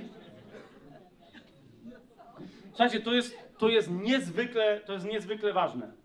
Coś wam, coś, otwórzmy ten list do Hebrajczyków. Co prawda chciałem go później przeczytać, ale zróbmy to teraz, zróbmy to na poważnie. Zróbmy to absolutnie na poważnie. Jeden, jedyny fragment biblijny, który jest przywoływany w biblijnych nauczeniach na uzasadnienie chodzenia na spotkania chrześcijańskie, na nabożeństwa, na msze, na inne rzeczy. Bo teraz zrozumcie, e, jak ja tu gadam pewne rzeczy, to żeby potem nie było, że tak, to Fabian atakuje tradycyjne kościoły, bo mu zależy na tym, żeby ludzie chodzili do kościołów domowych. Nie! Pierwsze, rozumiecie, jak lepiej poznałem kościoły domowe, pierwsze zostały po prostu zbluzgane przeze mnie kościoły domowe. Dlaczego? Że atakują kościoły tradycyjne, ale robią dokładnie to samo po domach, znaczy jeszcze gorsze sekciarstwo niż to, które twierdzą, że jest w kościołach tradycyjnych. No to potem żeśmy ruszyli, że nie, Kościół to jest służba. Definicja Kościoła, ko- jedna z definicji Kościoła e, w Biblii mówi, że Kościół to jest służba. Kościół to są ludzie, którzy się gromadzą po to, żeby służyć albo sobie nawzajem, albo innym, a nie żeby im usługiwano. Kościół to nie jest zgromadzenie, na które się przychodzi, żeby mi ktoś usługiwał. Wtedy ten ktoś przyszedł na kościół, ale ja nie wiem, gdzie przyszedłem. Jeszcze raz, zobaczcie list do Efezjan, czwarty rozdział, tam jest to dokładnie napisane. Służba w kościele ma tylko i wyłącznie służyć temu, żeby z wszystkich innych robić sługi. Jeżeli jakaś służba w kościele nie robi z ciebie sługi, to nie jest służbą kościoła. Nie wiem, czemu ona służy, ale to nie jest kościół. Teraz, żeby nie było, że cwaniakuję i że jestem, wiecie, straszny, okrutny, prześmiewczy, szyderczy i tak dalej. Teraz będzie szydera na własny temat. Tak? Tymek, który, który ma e, e, e, księgarnię i wydawnictwo Epafras i tak dalej, i tak dalej. A niech będzie. Dlaczego? Bardzo kocham tego brata i se tam zajrzyjcie, ma bardzo dobre książki, tak? Ale między innymi wydał, e, nie wiem, czy to nazwać, mo, można nazwać moją książką, e, bo tu chodziło bardziej o to, żeby, e, wiecie, właśnie rzucić w świat polskiej myśli biblijnej zagadnienia. Słuchajcie, jeżeli byśmy mieli dzisiaj napisać credo, w co my wierzymy, to, to według mnie tak to powinno brzmieć. Ja już teraz dzisiaj z pewnymi momentami tego, tej książki, czyli w co wierzą biblijni chrześcijanie, się nie zgadzam. Nie, nie, nie z, ze sformułowaniami, jak, jak opisałem pewne rzeczy. Nie? nie jest tego dużo, ale tak jest. Tylko czekałem, aż się pojawią inni, rozumiecie, nauczyciele i tak mówią, Fabian, no to się dowiedziałem, że rozumiecie, jeden z drugim tam mi napisał prywatnego maila, więc Gosiu, to jest dobre, przyjedź, zróbmy rozmowę, nagrajmy to, niech ludzie usłyszą twój punkt widzenia. Nie, nie, ja ci tylko, tylko żebyś czasem nie powiedział, kto do ciebie to napisał. No masz. I teraz Kościół cały jak... Ale teraz o co mi idzie? Więc idea tam była, ta, i między innymi napisałem, że myśmy założyli, że zakład, nie zakładamy, ale że ruszamy se, ze, z ruchem, nawet nie organizacją, która się nazywa diakonia, czyli diakonia, czyli służba, żeby pokazać, że zakładać kościoły będziemy tylko i wyłącznie w absolutnej konieczności, jeżeli by gdzieś to wymagało takie narzędzie służby, ale to jest ostatnia rzecz, jaką będziemy robić. Ale że będziemy pokazywać w kościele, jak czekać na powrót apostołów, jak odkrywać proroków jako pięcioraką służbę, ewangelistów i tak dalej, i tak dalej, i tak dalej. Słuchajcie, i ja nie wiem, czy rok minął, jak nagle się okazało, że jedyną rzeczą, o jakiej my debatujemy, to jest jak prowadzić kościoły domowe. Słuchajcie, mamy. Ja teraz upraszczam trochę i nie chcę znowu, żeby się poczuli urażeni ludzie, którzy tam zostali i dalej coś robili, ale z mojego punktu widzenia to było. No i teraz wielkie dyskusje były y, tradycyjne denominacje, nie, kościoły domowe, nie, a koniec końców, co się okazało, że myśmy zrobili nową profesjonalną denominację. która całe, całą tą resztę krytykuje, czyli będąc w awangardzie anarchii, teraz my przyciągniemy takich ludzi, co nie, ale już, to rozumiecie, w ciągu roku, w momencie, kiedy my nie mieliśmy właściwie wyjaśnionej sobie nawzajem służby, ale w praktyce, czyli jak to zrobić, żeby się uchronić przed tym starym bukłakiem. Nie, żeby on był zły, tylko Pan nam mówi, wlewamy teraz nowe wino do nowego bukłaka, tak? To się okazało, że już zaczęliśmy lać do starego i on zaczął pękać. Już, po roku. Ja teraz, to jest jeden z pierwszych rzeczy w, w ramach, e, pierwszych momentów, kiedy mówię to tak bardzo publicznie, bo wielu innych, no ale nie, nie było też publicznych spotkań. Ale rozumiecie, dokładnie tak było. To, że ja potem zostawiłem ten ruch, bo, ale to myśmy się tam wszyscy dogadywali, bo mi pan powiedział wyraźnie, że to nigdy w ogóle nie miało być, ja tam nie miałem być ani żadnym szefem, ani niczym tego, tylko ja mam po prostu w, w służbie, którą pan mi pokazał e, i dał, dopóki nie da mi innej i nie powie mi wyraźnie czegoś innego, ma tam i, mam tam i tylko tam zostać. Więc dlatego się wycofałem, pożegnaliśmy się, powiedziałem tylko tajemny plan, służę wszystkim, pytajcie się, wykorzystujcie mnie, ale ja nie jestem nikim w środku w tej organizacji. Żadnym wizjonerem, organizatorem, liderem, przywódcą, nie, nikim takim. Zos- nie, zostawiam to. Więc Zrozumcie dobrze, że teraz, kiedy, kiedy ja o tym mówię, że to wiesz, to nie jest kościół, tamto nie jest kościół, to nie jest. Jeszcze raz, to jest ostatnie doświadczenie w moim życiu, które mi pokazało, że jeżeli naprawdę nie zaczniemy robić kościoła, jeżeli wam to zabrzmi teraz jakoś za bardzo symbolicznie, mistycznie i tak dalej, to, to rozumiecie, nie, ma inna, nie mogę tego inaczej powiedzieć. Jeżeli my nie zaczniemy w tym pokoleniu słuchać Pana i budować kościoła prosto z jego otwartego boku, to nigdy nie doświadczymy przebudzenia takiego jak w poprzednich pokoleniach. Kościół wychodzi z boku Chrystusa. Kościół jest, jest rodzicielem Kościoła. Jezus jest rodzicielem Kościoła.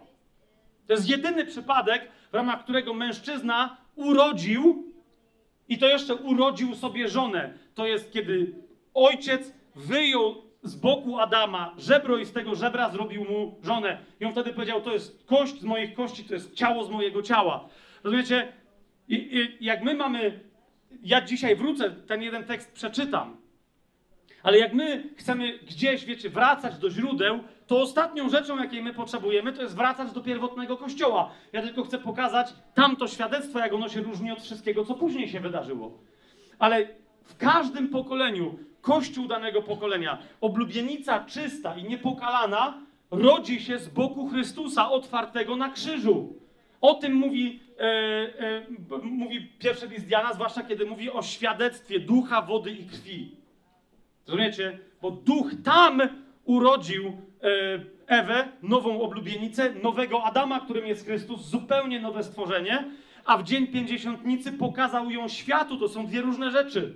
Ale ona się rodzi na krzyżu. List do Hebrajczyków, drugi rozdział mówi wyraźnie, że Jezus na krzyżu powiedział do Ojca: To są moi bracia. I Słowo Boże mówi, że on się nie wstydził powiedzieć, że to są jego bracia, ale w następnym zdaniu powiedział również: Oto ja i moje dzieci. Nowe pokolenie, ostatnie pokolenie, kompletnie nowe stworzenie. Ja ich zrodziłem. Ewa jest wyjęta w każdym pokoleniu i może być wyjęta tylko i wyłącznie z boku Adama. Nie z poprzednich pokoleń, tradycji, historii czegoś. Nie znaczy, żeby je przerywać, ale my w kolejnym pokoleniu, nawet nie, że pokoleniu, ale w rozumiecie, ma, macie zbór. Ktoś jest przywódcą tego zboru i dochodzi do wymiany przywództwa. Nadal y, nowy przywódca i cały kościół wokół niego zgromadzony, cokolwiek by to nie miało oznaczać, my jesteśmy wtedy zobowiązani, co? Żeby w, tej, w tym nowym układzie sił, nowym układzie osobowym, żeby się upewnić, że to coś kontynuuje skończone dzieło krzyża, a nie skończone dzieło jakichś ludzi, którzy kontynuowali skończone dzieło krzyża, bo to już wtedy u nas nie będzie skończone dzieło krzyża. Ma to sens, co powiedziałem? To jest to. Za każdym razem my się musimy upewniać, czy my przechodzimy przez krzyż, czy my przechodzimy przez rozdarte ciało Chrystusa. Otwórzcie proszę dziesiąty rozdział listu do Hebrajczyków.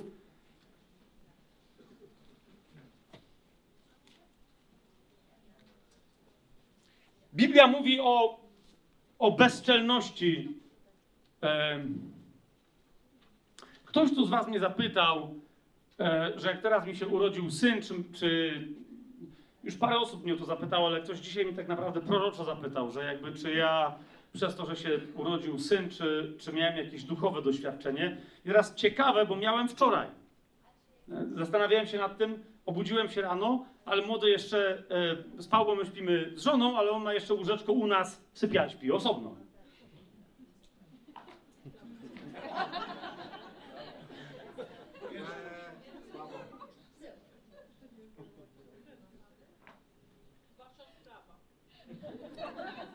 Zobaczcie, co się teraz stało. Nie? To się zaczyna od. Wasza sprawa.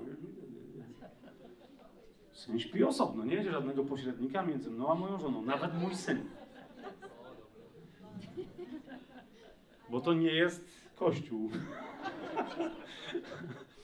nie ma. Ale w każdym razie, nie? Zastanawiałem się właśnie nad tym.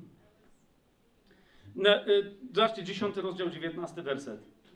Listu Hebrajczyków. Pa- Paweł tam pisze, mając więc bracia śmiałość, aby przez krew Jezusa wejść do najświętszego miejsca drogą nową i żywą, którą zapoczątkował dla nas przez zasłonę, to jest przez swoje ciało. To, to to jest całe większe zdanie, ale chodzi mi o to, że on tu mówi o oczywistym jak dla niego fakcie, że my jako dzie- dzieci przez Chrystusa mamy prawo do bezczelności wobec Ojca. Nie bezczelności, żeby nie mieć czci dla Ojca, ale wiecie, takiej dziecięcej bezczelności, żeby się nie pytać, czy my możemy gdzieś wchodzić, czy wiecie o co mi chodzi. I się tak zastanawiałem, jak, jaki by tu dać przykład. I w tym momencie mój syn, który w ogóle e, bardzo mi się podoba, on 9 miesięcy skończy 6 lutego, dopiero 9 miesięcy, ale już od jakichś 3 miesięcy ma jedno ulubione słowo, posługuje się nim absolutnie z sensem, mam na to świadków. Jego ulubione słowo to jest nie. I jak ktoś mówi, nie, nie, nie, nie, nie tak jest? Czasem my coś gadamy, jemu się źle siedzi i wtedy informuje cały świat, że nie, ale co nie, to nie, no okej, dobra. To jest jego pierwsze słowo, nie tam mama, nie coś. Potem zaczął mówić, już mówi mama. Eee, I moja żona twierdziła, że on też do mnie coś mówi, ale nie. Dzieci tam coś, e, coś bredzą, nie, to musi być konkret. Teraz rozumiecie, Madzia jeszcze spała, ja już nie. Tam słyszę jakieś ruchy u niego w łóżeczku, mówię, dobra, nie będę się ruszał, bo wtedy on się podekscytuje, bo on zawsze jak widzi mnie, to jest zabawa, jest ogień i wtedy obudzi też Madzie. I on tam zaczął ruchy, ruchy, takie poważniejsze ruchy i ja się poruszyłem niestety. I wtedy usłyszałem, a rozważałem dokładnie ten fragment, nie mając śmiałość, aby przez krew Jezusa wejść do Najświętszego, czyli na kolana taty, nie? Ale rozumiecie, czysto, klarownie usłyszałem wezwanie Dada! Dada? Znaczy, ja nie. Gadajcie co ja po prostu wiem, wstałem, a on dokładnie, rozumiecie, w tym swoim łóżeczku, bo on tam jest taki opatulony różnymi rzeczami, na, na czworakach, patrzył dokładnie, zobaczył mnie i. Wiecie, to jest dokładnie, to jest to, on wiedział, że jak ja już przyszedłem, a on mnie wołał, że jakby śpisz czy nie. Jak usłyszał, że jest ruch, to jest dada, jak nawet jak śpisz, to już wstawaj, no nie? Wziąłem go na ręce, do łóżka, tam ma zabaweczki, od razu, o, ogień. Rozumiecie, i teraz ja, tato cię wziął, nie, rozumiecie? Jakbym w ogóle nie istniał, chłop się o mnie oparł i się bawił zabawkami, ty. Jakie chamstwo, jaka bezczelność. Ale ja byłem przeszczęśliwy. Że jakby, no i jakby co, niech chłop robi co chce, no nie? Ale powiedział dada. Dada go tu przyniósł, on wiedział, że sam nie przejdzie, nie wydostanie się z więzienia swojego łóżeczka. Rozumiesz, to jest, to, to jest, to jest zaczątek Kościoła, jeżeli my mamy taką relację przez, jeżeli nasza znajomość z Chrystusem nas prowadzi do takiej śmiałości. Rozumiesz? Ty, jedyna rzecz, która ci daje prawo do tej śmiałości, to jest moc usprawiedliwienia, która jest wyłącznie we krwi Chrystusa, w niczym twoim. Ty rozumiesz, że ty nie możesz niczego, nigdy niczego nie mogłaś zrobić i nigdy niczego nie będziesz mogła czy mógł zrobić, co by ci dało jakieś prawo wobec Boga. Ponieważ jedyne prawo, żeby się ktoś zbliżył do sprawiedliwości samej, jest, żeby być tą sprawiedliwością. Rozumiesz? A myśmy ją otrzymali absolutnie za darmo. Na czym polega problem tego, że ludzie się rodzą z tej absolutnie fantastycznej, dobrej nowiny, a potem coś złego się z nimi dzieje? Na tym, że trafiają do czegoś, co im się mówi, że jest konsekwencją nowego narodzenia, czyli do kościoła, a ten kościół zupełnie bezpodstawnie zaczyna, zaczyna przedstawiając się jako kościół, zaczyna miażdżyć te relacje, mówiąc, że od tej pory musisz robić pewne rzeczy. Jeszcze raz. w którym momencie kto ma odebrać moc krwi Chrystusa? Rozumiesz? W którym momencie? I teraz nieważne, jakie wy mi teraz rozumiesz, że kiedy popełnisz najgorszy grzech, nigdy nie będziesz gorszą osobą, jako wierząca osoba, która popełniła najgorszy grzech, nigdy nie będziesz gorszą grzesznicą czy grzesznikiem, jak przed swoim nowonarodzeniem. Rozumiesz, o co mi chodzi? I dokładnie za ciebie najgorszą syfiarę, najgorszego gnojarza, Jezus dokładnie umarł na krzyżu, wyrażając co? Miłość Ojca. Przecież to była Jego wola. No to w takim razie, rozumiesz, i on uznał, ta krew, ona nie musi być wylana, żeby zaspokoić, żeby usatysfakcjonować ojca. Ty teraz się parę lat temu zaczęło i trwa i się biją się prawie do krwi, chcą pozabijać Anglikanie z presbiterianami i jeszcze tam ktoś, bo ktoś napisał piosenkę, że, że ta krew usatysfakcjonowała gniew ojca, czy tam coś, a jedni nie chcą tego śpiewać, inni mówią, bo wy jesteście liberałami, a my jesteśmy konserwatywne chrześcijany. I rozumiecie, no co? Na, naprawdę Jezus wylał krew, bo inaczej ojciec by cię nie mógł zacząć kochać? Naprawdę? Na, na, i my, to jest nasza dobra nowina?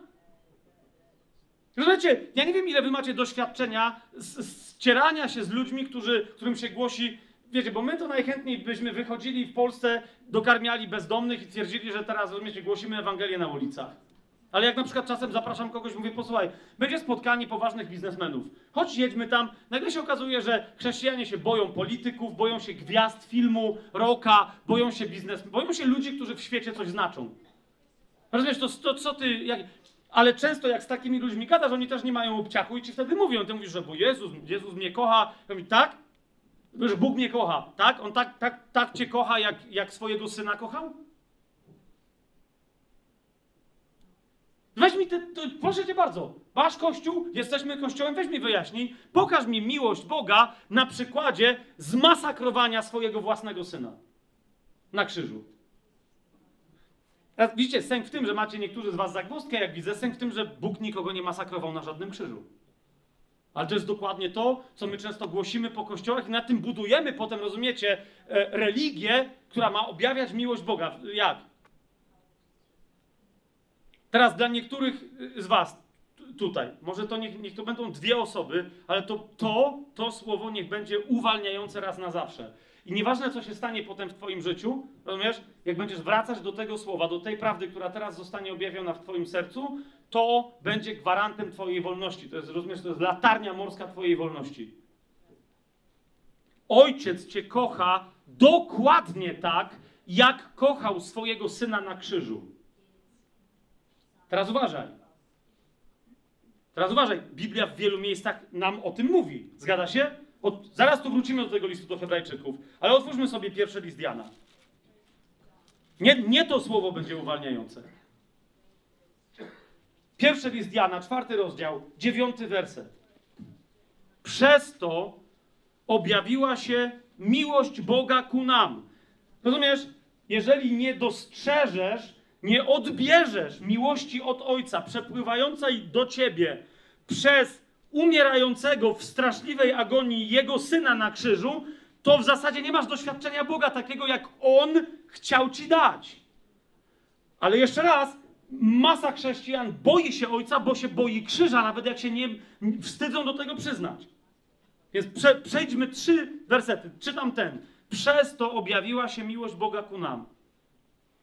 Że Bóg posłał na świat swojego jednorodzonego syna, abyśmy żyli przez niego. Amen. Dziesiąty werset. Na tym polega miłość, że nie my umiłowaliśmy Boga, ale że On nas umiłował i posłał swojego syna, aby był przebłaganiem za nasze grzechy. Amen.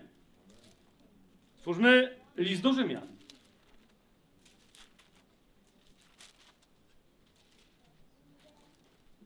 I w liście do Rzymian otwórzmy sobie piąty rozdział. Ta sama myśl, nieco bardziej wyrażona, e, inaczej, e, nieco bardziej dotykająca kwestii tego, że to przebłaganie przyszło przez potworną śmierć Jezusa na krzyżu. Ale zobacz, co chcę zaakcentować, że dokładnie ta potworna śmierć Jezusa na krzyżu jest najwyższym, żeby nie rzec, e, jedynym wyrazem pełni miłości Boga. Widzisz, jeżeli ty masz taką wizję, że ojciec domagał się śmierci od swojego syna w takich torturach, to jak potem ty masz zaufać takiemu ojcu przez rozdarte na krzyżu ciało jego syna? A zobacz, co jest napisane. List do Rzymian, piąty rozdział. Bóg okazuje nam swoją miłość przez to, że kiedy my jeszcze byliśmy grzesznikami, Chrystus za nas umarł. Dokładnie przez to, że On za mnie, za ciebie umierał i umarł do samej śmierci. Widzicie to? No ale teraz jeszcze raz, weźmij to pogódź z miłością Ojca. Gdzie był Ojciec, kiedy umierał Jezus? Gdzie był Ojciec, rozumiesz, gdzie jest Ojciec, kiedy ty cierpisz, kiedy nie rozumiesz, kiedy padasz, rozumiesz, zadajesz pytania i gdzie jest Ojciec, kiedy ciebie w tym życiu, rozumiesz, dotyka tak wiele nieszczęścia, cierpienia, zła, chaosu, ciemności, o których ty mówisz, zarzekasz się, nie, światłość, ciemność jej nie ogarnie, ale potem doświadczasz, czego doświadczasz. Gdzie, dlaczego, dlaczego nie masz tak łatwego dostępu do Ojca? Jeszcze raz ci mówię, prawdopodobnie dlatego, że boisz się takiego ojca. O, dziękuję ci bardzo. Wiesz, jaką masz nagrodę w Biblii za to, nie? Dziękuję. Otóż, kochani, niektórzy już za mi krzyczą, bo już nie mogą wytrzymać. Wytrzymajcie, wytrzymajcie, ale dokładnie tam przejdźmy, co, co myślę, że mi dokrzykujecie. Otwórzmy drugi list do Koryntian, piąty rozdział. Jeden z najważniejszych rozdziałów teologicznie, w sensie skondensowanej prawdy o, o Nowym Przymierzu, w ogóle w całej, w całej Biblii. Drugi list do Koryntian, piąty rozdział. Dziewiętnasty werset. Bóg bowiem był w Chrystusie, kiedy jednał świat z samym sobą, nie poczytując ludziom ich grzechów. I nam powierzył to słowo pojednania. Jeszcze raz zobacz, jak to się zaczyna. Wszystko to jest z Boga, 18 werset. Co? 17 werset. To, że my jesteśmy nowymi stworzeniami. Całe nowe przymierze, całe nowe stworzenie. Wszystko to, 18 werset, jest z Boga, który nas pojednał ze sobą przez Jezusa Chrystusa i dał nam taką służbę pojednania, jaka zaczęła się na krzyżu, nie żadną inną. Tak? Ale jak on nas zjednał? Czy on był w niebie, my na ziemi, a Jezus pomiędzy nami i połączył to, co w niebie i to, co na ziemi? Nie! Rozumiesz? On był w samym środku tego Chrystusowego cierpienia. Bóg bowiem był w Chrystusie.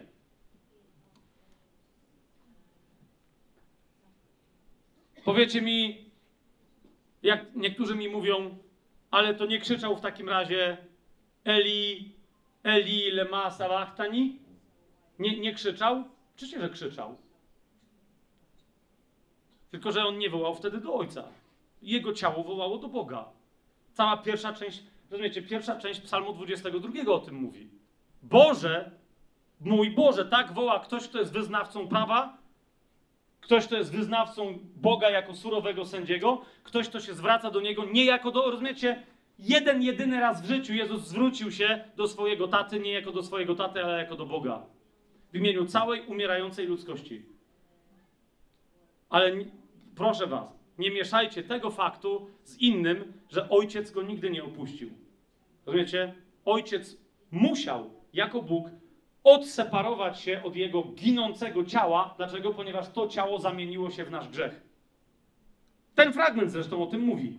Tak? 21 werset. On bowiem, czyli ojciec, tego, który nie znał grzechu, za nas uczynił grzechem, abyśmy w nim stali się sprawiedliwością Boga.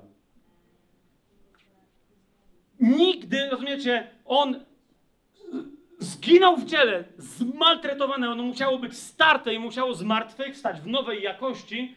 Dlaczego? Aby w tym ciele umarł raz na zawsze grzech. Ale zwróć uwagę, i to jest coś, co Paweł pisząc do Tymoteusza nazywa wielką tajemnicą pobożności lub też wiary. Zwróć uwagę, że ojciec nigdy nie opuścił jego ducha, bo jego duch nigdy nie zgrzeszył. Dlatego mógł być wskrzeszony z martwych, ponieważ nie należała mu się śmierć. Ktoś, kiedyś ktoś mi powiedział, mówi, serio? Gdyby tak było, to by się później zwrócił do ojca per ojcze i ten gość, który mi to powiedział, zaczął płakać wtedy. Pamiętacie dlaczego? Ponieważ później po tym jak zaczął Jezus wołać, Boże mój, Boże mój, jeszcze po hebrajsku, żeby było jasne, że to jest psalm 22, powiedział wyraźnie co? Tato, w Twoje ręce powierzam mojego ducha, nie moje ciało.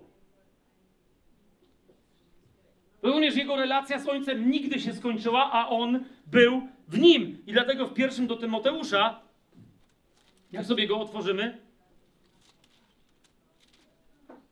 przeczytamy w trzecim rozdziale, na samym końcu, w szesnastym wersecie, a bez wątpienia wielka jest tajemnica pobożności. Bóg został objawiony w ciele, zwróćcie na to uwagę, usprawiedliwiony w duchu. To ciało, które go objawiło, musiało być starte, chociaż objawiało Ojca. Dlaczego? Ponieważ było bezgrzeszne, ale na grzeszu, na, na krzyżu wzięło w siebie cały grzech całej ludzkości. I wygrało. Znaczy duch Jezus Chrystusowy wygrał. Dlatego, rozumiesz, jeżeli teraz w Twoim sercu pracuje cały czas ta wątpliwość, w życiu cała reszta Twojego chrześcijańskiego życia, budowanie kościoła, to co ja mówię i tak dalej, nie będzie, rozumiesz, to nie będzie miało sensu, jeżeli my nie zaczniemy sobie mówić, opowiadać, jak ojciec w tym pokoleniu widzi Kościół, jeżeli nie siądziemy sobie razem w niebie u niego na kolanach. Wiecie, teraz, jak, jeszcze raz ci mówię, rozumiesz, nieważne co zrobisz teraz w swoim życiu. Ja, wiecie, pokazałem tutaj te rzeczy, że w zasadzie, ale jak wielu chrześcijan robi sobie swoje prawo mojżeszowe, które ich gnębi, które ich niszczy, które jest legalizmem gorszym niż ten, który e, Paweł u Galacjan zobaczył. Rozumiesz? Co taki smutny jesteś? I gość mówi, wiesz co, ja nie chcę w to wchodzić, mówi, ale znowu, kurde, no pracowaliśmy i... No ale co, co ty, co, o co ci chodzi? No stary, no po prostu miałem dwa tygodnie temu, żona wyjechała, popiliśmy ten, wróciłem do domu, byłem trochę wstawiony, sobie jeszcze napiłem troszeczkę, oglądałem pornografię, wiesz o co chodzi. No nie wiem, ale okej, no ale czemu ty jesteś teraz smutny? Kiedy to było? Dwa tygodnie temu. Mówi, stary, potem się nie mogłem pozbierać. Nie wiem, czy słyszycie, co się dzieje. Ty się zbierałeś, tak? To jest to, czego się nauczyłeś w kościele, w życiu chrześcijańskim, od, od, od mądrych mentorów bożych. To jest to, czego ty się zbierałeś. To widzę, jak się zbierasz skutecznie. No tak, ale wiesz, no mówi, no ale co ja mam taki, wiesz o co chodzi, no nie? Bo potem to się nie skończyło, jeszcze następny wieczór, następny, trochę się ogarnąłem, ale potem się, wiesz, tak nie mogłem pomodlić. Teraz dopiero powoli Biblię zacząłem czytać, tak wiesz, tak powoli wracam do Boga. Z której strony ty do niego wracasz, człowieku? Do jakiego Boga ty wracasz? Rozumiesz, co ty teraz, jak długo, jak długo ustaliłeś sobie, że się będziesz teraz modlił, będziesz dobry dla kogoś tam, będziesz przychodził do zboru, rozumiesz, i tam tańczył i śpiewał, i teraz ile jeszcze rzeczy masz zrobić, żebyś miał prawo wrócić do Ojca na kolana? Która z tych rzeczy, ty mi chcesz powiedzieć, będzie mocniejsza niż krew Chrystusa? Rozumiesz? Która z tych rzeczy, co ty teraz mi opowiadasz, będzie mocniejsza niż krew Abla? Powiedz mi, a krew Jezusa mówi rzeczy znacznie mocniejsze. Wiecie o co mi chodzi? Więc co ty? Ja mówię, ale to co ja mam tak, tak o, tak, tak o. A ile rzeczy zrobiłeś, zanim, rozumiesz, w Duchu Świętym narodziłeś się na nowo? Ile rzeczy zrobiłeś? Po prostu nagle do ciebie dotarło nic, że to jest załatwione i teraz szok cały do naszego końca życia, nie tego, tylko do końca życia wiecznego, czy do żadnego końca, będzie na tym polegał, że jak to? Wiesz, że jak to, jak ktoś mógł mnie tak ukochać, że po prostu nawet nie wiedział, czy ja na to odpowiem, a jednak mi to dał, nawet żeby to kompletnie zaprzepaścić. Rozumiesz? I teraz ty nagle cwaniakujesz, że teraz jako, rozumiesz, czyli moc, która ciebie z ciemności przeprowadziła do cudownego światła, z potępienia wiecznego do królestwa Bo- Bożego wiecznego, tamta moc, rozumiesz, jest mniejsza niż teraz twoja moc, którą ty będziesz się rozprawiać ze swoją pornografią po dziesięciu piwach? Co ty w ogóle gadasz do mnie? Rozumiecie? I tamta rozmowa, pamiętam to jak dzisiaj, bo on był, on taki mówi, no mówi, ale naprawdę? Mówi, stary, naprawdę? Mówi, ale, na? Ale co naprawdę? Mówi, no ty, kościół, no rozumiesz, mówi, no po prostu, no wiesz co z tej pornografią było. Przepraszam was teraz za, ale po prostu, idźmy, idźmy, idźmy w to. Mówi, no ale co było? No mówi, no wiesz, no, no wiesz jak, no żony nie było i... No i? I teraz ty, ty myślisz, ty myślisz, że Jezus umierając na krzyżu nie widział ciebie, rozumiesz, nie wziął w siebie przyczyny twojego tego rodzaju postępowania? Myślisz, że tego nie zrobił, że się z tą obrzydliwością nie zetknął? I ten mi mówi, to może jeszcze powiesz, że jakbym w- trakcie oglądania tych pornoców, jakbym przywołał Jezusa, rozumiecie, i znowu to było takie, mówię, o kurde, chyba tak powiesz. No, no. Rozumiesz, w którym momencie grzesznik ma przestać grzeszyć i uspokoić się na jakiś czas, żeby móc zasłużyć sobie na przyjęcie łaski, której się nie da zasłużyć? Słyszycie, co ja gadam? I teraz nieważne, czy to będzie kwestia Twojego osobistego, rozumiesz, narzucania sobie praw, czy pod, ale jeżeli tak jest, to potem się skończy budowaniem takiego kościoła, w ramach którego my w kółko musimy coraz więcej rzeczy robić i, na koniec końców, tak jak tu siostra młoda powiedziała, mówi, że no i potem okazuje się, że celem życia dla większości ludzi jest kościół, w którym w zasadzie nie wiedzą co, ale trzeba robić wszystko, żeby w nim trwać, albo żeby ten kościół trwał, no bo przecież to jest takie dzieło Boże od, od tysiącleci, że jak ja nie przyjdę w niedzielę, to się pewnie rozpadnie. No, kpina, no jeszcze raz, ale powiedzcie mi, ja teraz jestem hamem, po prostu w ten sposób kpię, czy my wszyscy jesteśmy nic nie warci, dlatego że, że rozumiecie, że no nie, nie śmiemy się zaśmiać z czegoś tak ohydnego. Jeszcze raz, przyjrzyj się.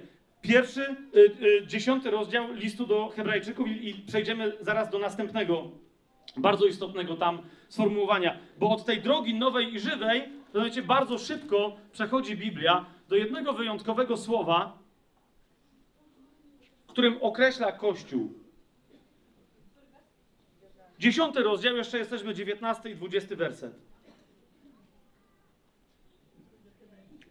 Nie ta, to otwarcie przez Jezusa, Jego boku na krzyżu, które nam pozwala przychodzić do Ojca, pozwala nam, rozumiecie, właśnie co to, co, w jakim sensie ja mówię, że Kościół powstaje, wychodzi z boku Chrystusa. W jakim, o, co, o co chodzi? Ponieważ On nie wychodzi z nieba przez bok Chrystusa na ziemię. Znaczy, kierunek jest w ogóle odwrotny.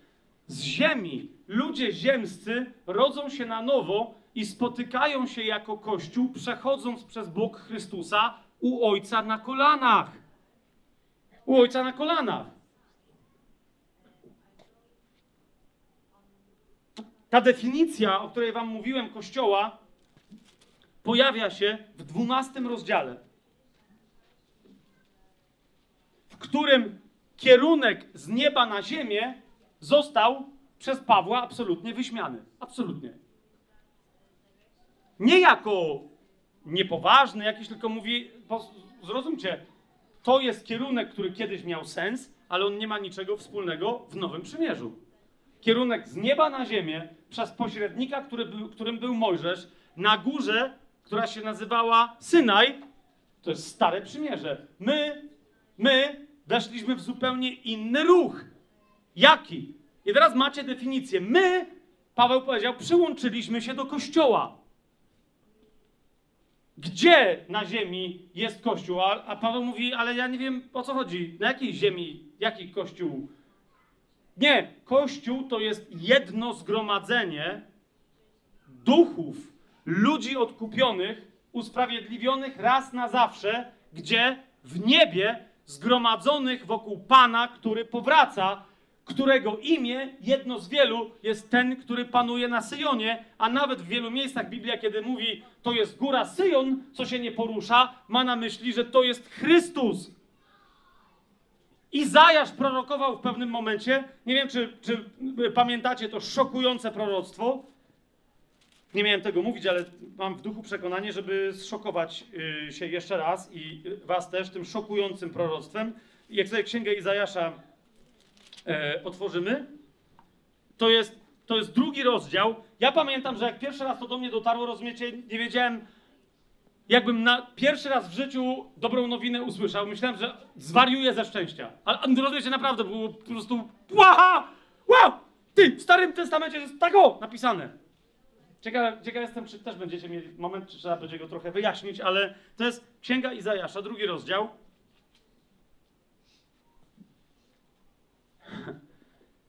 Trzeci werset. Który jest proroctwem, jednym z najpotężniejszych proroctw na twój i na mój temat. Rozumiesz? Ty tu jesteś, jak Izajasz to mówił, to ciebie widział i mnie. Obczajacie to? Szaleństwo. I mówi tak. Pójdzie wiele ludów, i powie: chodźcie, wstąpmy na górę Jachwę.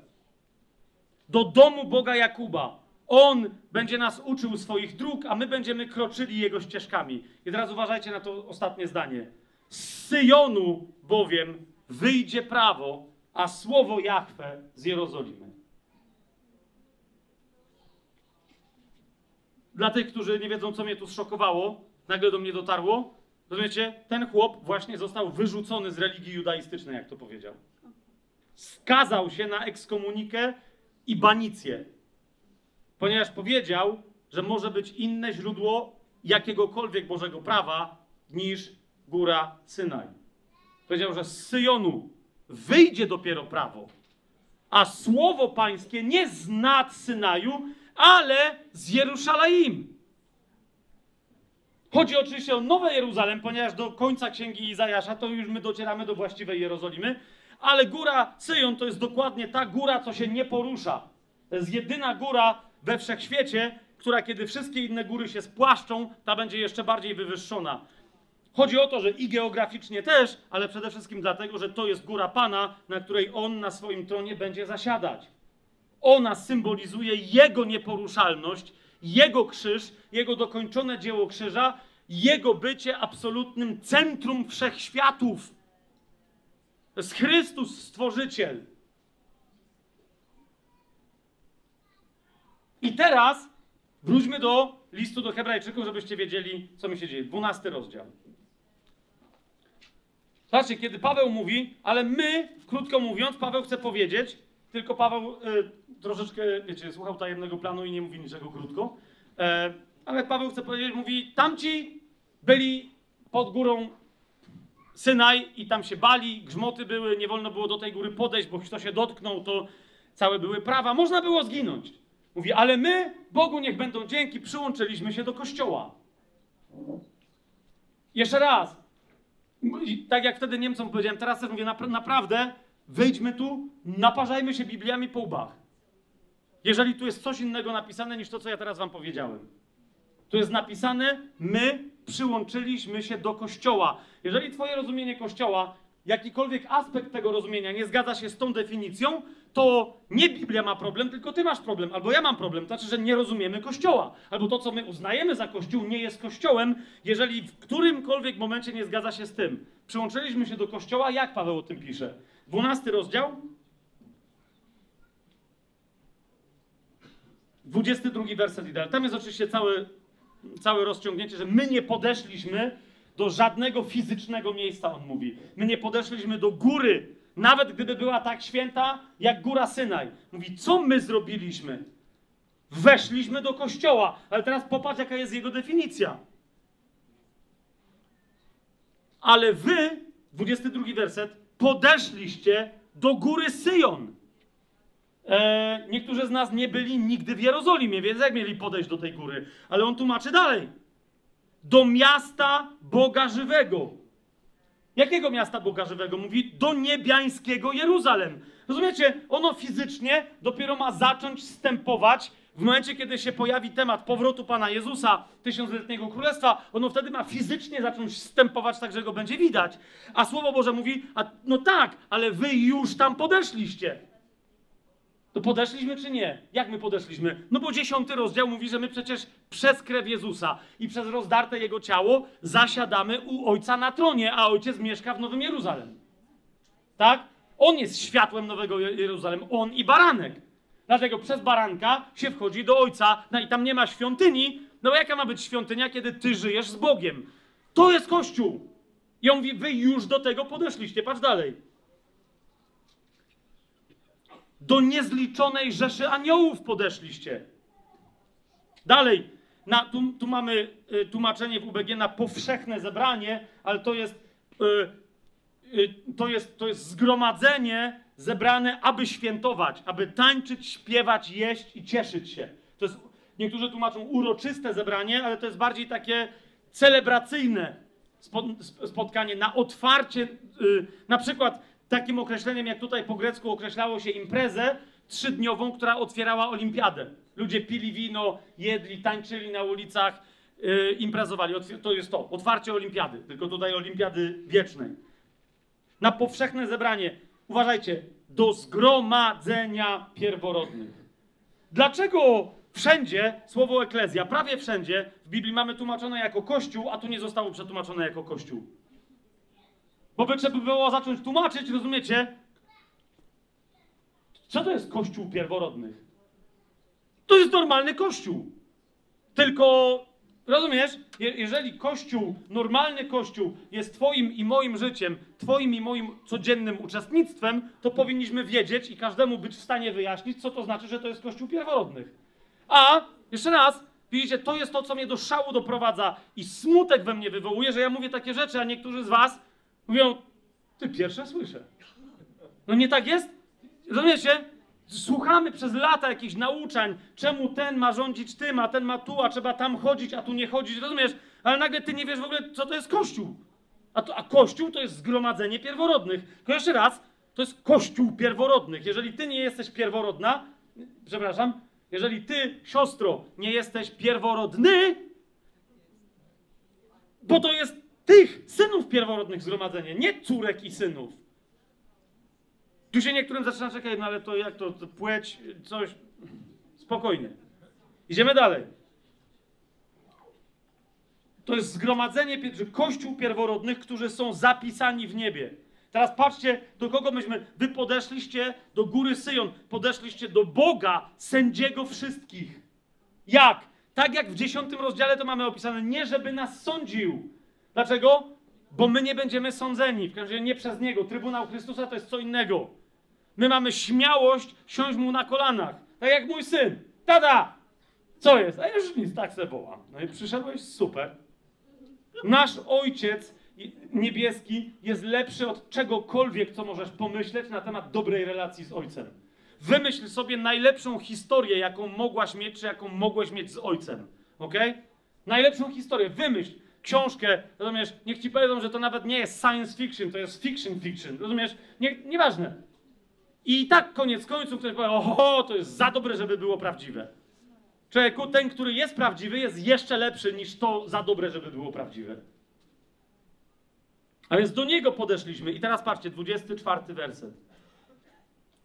I do pośrednika nowego przymierza Jezusa.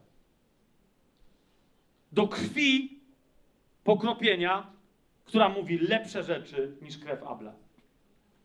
Jeszcze raz, jeżeli my jesteśmy kościołem, powinniśmy w tym momencie, rozumiecie, ludzie powinni płakać, leżeć pod mocą ducha, krzyczeć Hallelujah! Forever and ever!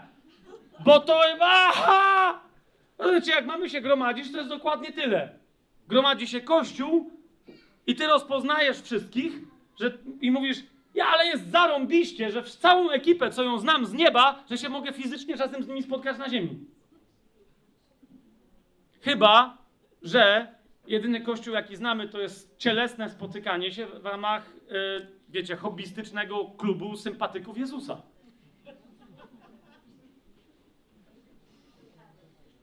Po, powiedzieć wam, czym się różni yy, w, tak o, w, takim prostym aspekcie, czym się różni klub sympatyków od kościoła?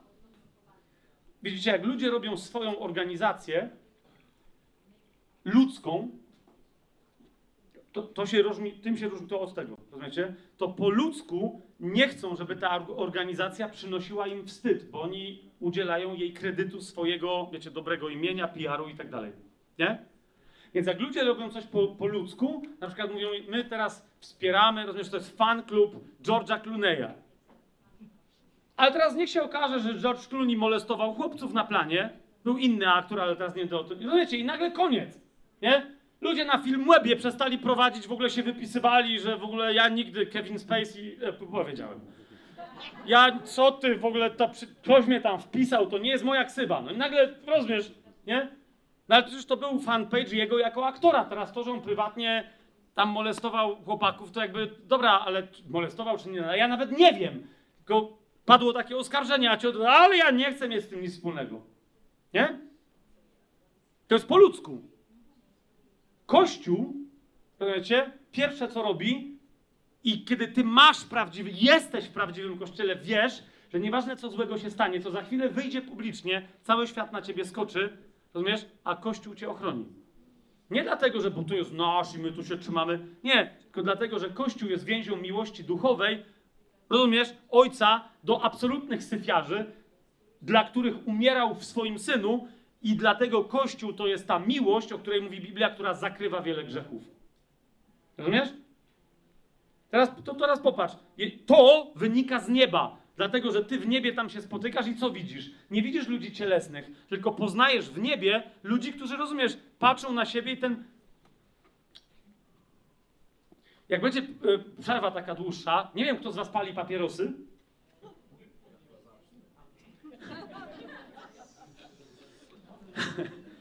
E, ja nie palę, ale paliłem przez, przez wiele, wiele, wiele, wiele e, długich lat. E, I jako ksiądz przestałem, bo zacząłem pracować z uzależnioną młodzieżą i stwierdziłem, dobra, jakim ja jestem dla nich przykładem, każę im zrywać z marihuaną, z innymi rzeczami, a sam palę papierosy, więc przestałem. Nie? Ale czasem jest tak, ponieważ moja żona lubi sobie zapalić cygaro. Nie ma jak gadać o grzechach swojej żony. Ale o grzechy. Nie ma jak gadać o słabościach swojej żony. Żadne tam słabości, po prostu. Słuchajcie, ona kiedyś dostała propozycję od bardzo wielkiego męża Bożego. Mówi, hej, no to jak jest taka okazja, napijmy się troszeczkę, to akurat dla mojej żony to jest góralka, jest to nigdy nie będzie nawet słabość. Ona pije butelkę wódki i ona dalej jest trzeźwa. No nie tak jest, Tymek? Więc ona, ona nie rozumie jakby, jaki jest problem z alkoholizmem w chrześcijaństwie. To nie, ale papier... I ten mówi, napijmy się kieliszeczek koniaku i, y, i zapalmy cygaro. Mówię, no okej, no, ten będzie teraz cygaro palił, ale przywiózł jakieś tam słodzone miodem, czymś tam. I Madzia mówi, to jest jakiś taki. Ja paliłem papierosy, zawsze wiecie, się zaciągałem, więc mówię, Madzia, mówicie, to jest syf, potem jest gnój w gębie, daj spokój w ogóle z tym. Nie, daj spokój. Ale ona, to w takim razie tu wielki mąż Boży i to wiecie, takie żona, nie, mąż Boży, męża Bożego, dobra, to ja se zapalę. Potem dała mi nawet pociągnąć, nie zaciągnąć. Mówię, Ty! I wiedziałem, że takie cygara istnieją. Nie? Potem mąż Boży nam przywiózł ze Stanów Zjednoczonych całą paczkę i żeśmy dawali w prezencie te cygara innym i oni... Naprawdę, nie? Tylko musi być dobra okazja, napijcie, jeszcze napijcie się. Jeszcze zapalcie, no to jest to super, nie? Elegancko, potem w domu nie śmierdzi, nie? I moja żona... Mówię to dlatego, bo niektórzy z was e, Mam takie przekonanie, tu są przynajmniej dwie, trzy osoby, które zostały ściorane jak, jak, jak, jak wieprzki w błocie w kościele za fakt, że nadal palą papierosy. Wiecie? Nie ma gorszego. Nieważne, pa, palenie papierosów w kościele, ponieważ jest widoczne, w sensie albo cię widzą, że palisz, albo śmierdzisz. Nie? Jest czymś, że nie możesz, możesz żonę zdradzać ile chcesz. Byleby potem się wymyć i wyperfumować. Ale papierosy, no to od razu widać, że to jest grzesznik, to jest nienawrócony człowiek, nieuzdrowiony, nie zna nowego przymierza. Wiesz o co mi chodzi? Yy, z wszystkimi ludźmi tymi, którzy pracowałem nad papierosami, oni wszyscy przestawali palić dokładnie w momencie, kiedy, rozumiecie, chrześcijanie, kiedy do nich docierało, że niezależnie od tego, jak nawet w złości i debilności swojego umysłu będą na złość Bogu robić, Bóg ich nigdy nie przestanie kochać tak bardzo, jak ich kochał, kiedy gorsze rzeczy robili niż palenie papierosów. I oni w pewnym momencie, rozumiecie, w obliczu wolności i miłości Ojca stwierdzali, przecież to nie ma żadnego sensu. Ponieważ te papierosy w pewnym momencie przeszkodzą mi wypełniać wolę Bożą, jak będę mieć 60 lat. I jeszcze raz, żeby nie było, ponieważ ja papierosy rzuciłem tak o, z dnia na dzień. Przyjechałem do Nowego Sącza, miałem pracować z młodzieżą, powiedziałem nie palę i na Boże Narodzenie, bo byłem bałaganiarz mocny, chciałem sobie zrobić porządek na biurku. Jak zrobiłem porządek, odkryłem paczkę elemów lightów, które tam dalej leżały i wyniosłem, dałem jakiemuś yy, yy, tam chłopu na ulicy, no nie. O, dzięki. Księża papierosy rozdają, to Boże Narodzenie musi, no szło.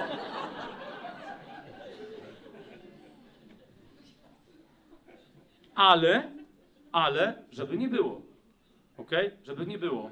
Ja mam 168 cm wzrostu i w pewnym momencie, kiedy już wszystko było dobrze, ochrzczony e, w wodzie w imię Jezusa, jest misja, jest poczucie przekonań i tak dalej, w pewnym momencie Bóg mi bardzo wyraźnie powiedział, mówi Fabian, czy ty chcesz służyć mi w duchu?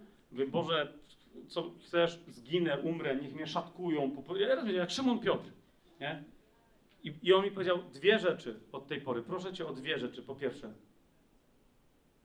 po pierwsze, od tej pory wszystko robisz tylko i wyłącznie przez wiarę. Oczywiście. Drugie, masz schudnąć.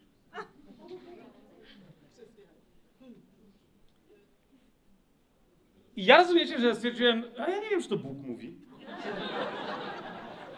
Jakby Bóg na pewno kazałby mi, wiecie, no cierpieć, coś, ale jakby, ale chudnąć, co to ma w ogóle jedno z drugim wspólnego? I się opierałem przez, to było, to długo trwało. Ja to zresztą, zobaczcie sobie, jak wyglądałem na różnych tam, wiecie, na tajemnym planie. I 168 cm, to rozumiecie, że ja w pewnym momencie ważyłem 132 kg. Nie?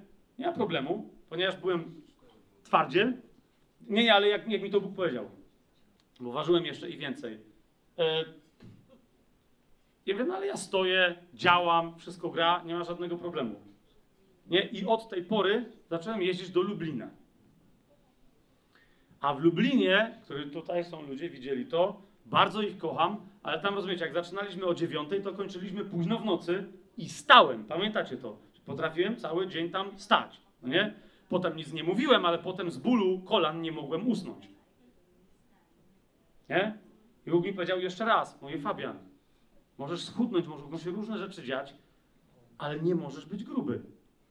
Ja rozumiecie, pomagam ludziom, ten pali papierosy, ten jest uzależniony od tego, ten od tamtego, a ja mówię, ta! Przecież to jest, zabij mnie! Ja chętnie, gdzie mam jechać? Korea Północna, niech mnie ukatrupią, ale jak ja mam chudnąć? Potem przyszły tam rzeczy, półtorej roku schudłem do 90 kg. Teraz wam powiem o drugiej, od, od półtorej roku nie mogę schudnąć ani pół kilo robię różne rzeczy i tak dalej, i tak dalej. Po prostu znowu mi się serce przyblokowało na jednej kwestii. Dobra, dwa tygodnie temu wreszcie to ruszyło znowu. Ale to była znowu kwestia przekonania, wiary, do czego mi to jest potrzebne. Już mi wszyscy chwalą, Fabian, o, że schód, ale człowieku, w ogóle co się tu nie... No to tyle, to było na zasadzie, no i, a Bóg mi mówi, mm, jeszcze 20 kilo. Popatrzcie na mnie, jeszcze 20 kilo. Okej, 20 kilo tłuszczu w dół, może 10 kilo masy mięśniowej w górę, ale no to jeszcze gorzej. Nie, że mam chudnąć, to potem masę budować, ty. Nie da się naraz, nie da się, okej? Jeszcze raz. Jeszcze raz. My żyjemy, rozumiecie, w prostych rzeczach, które e, jedne postrzegamy. Powiedzcie mi, moje bycie otyłym, nie, nie tam otyłym, to jest, wiecie, ale po prostu z potworną nadwagą, Nikt nie śmiał mi w kościele powiedzieć, że to jest ewidentnie jakiś grzech mój.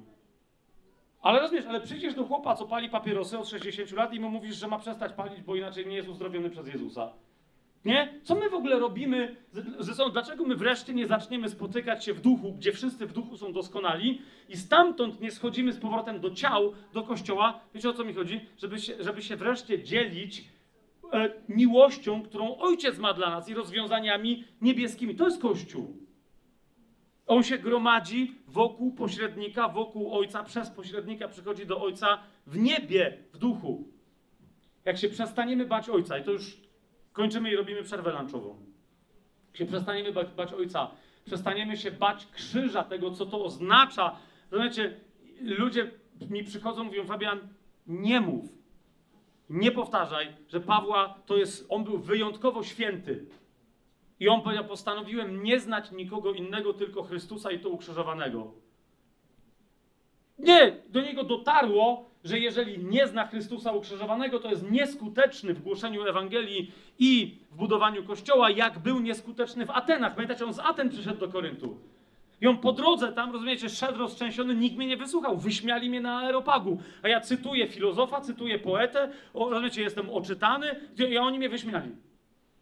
Dlaczego? Bo chciał swoją erudycją, swoją mocą, swoją wiedzą, swoją elokwencją coś uzyskać, zamiast przez wiarę korzystać tylko i wyłącznie z łaski. Dlatego Chrystus, ponieważ On nie jest dowodem na to, jak zły jest ojciec dla swoich dzieci. Przeciwnie, kto mnie widzi, widzi ojca, to jest ojciec, który zrobi wszystko dla swoich dzieci i zrobił wszystko dla ciebie i dla mnie. Tu się rodzi Kościół, tam mamy zapoczątkować Kościół.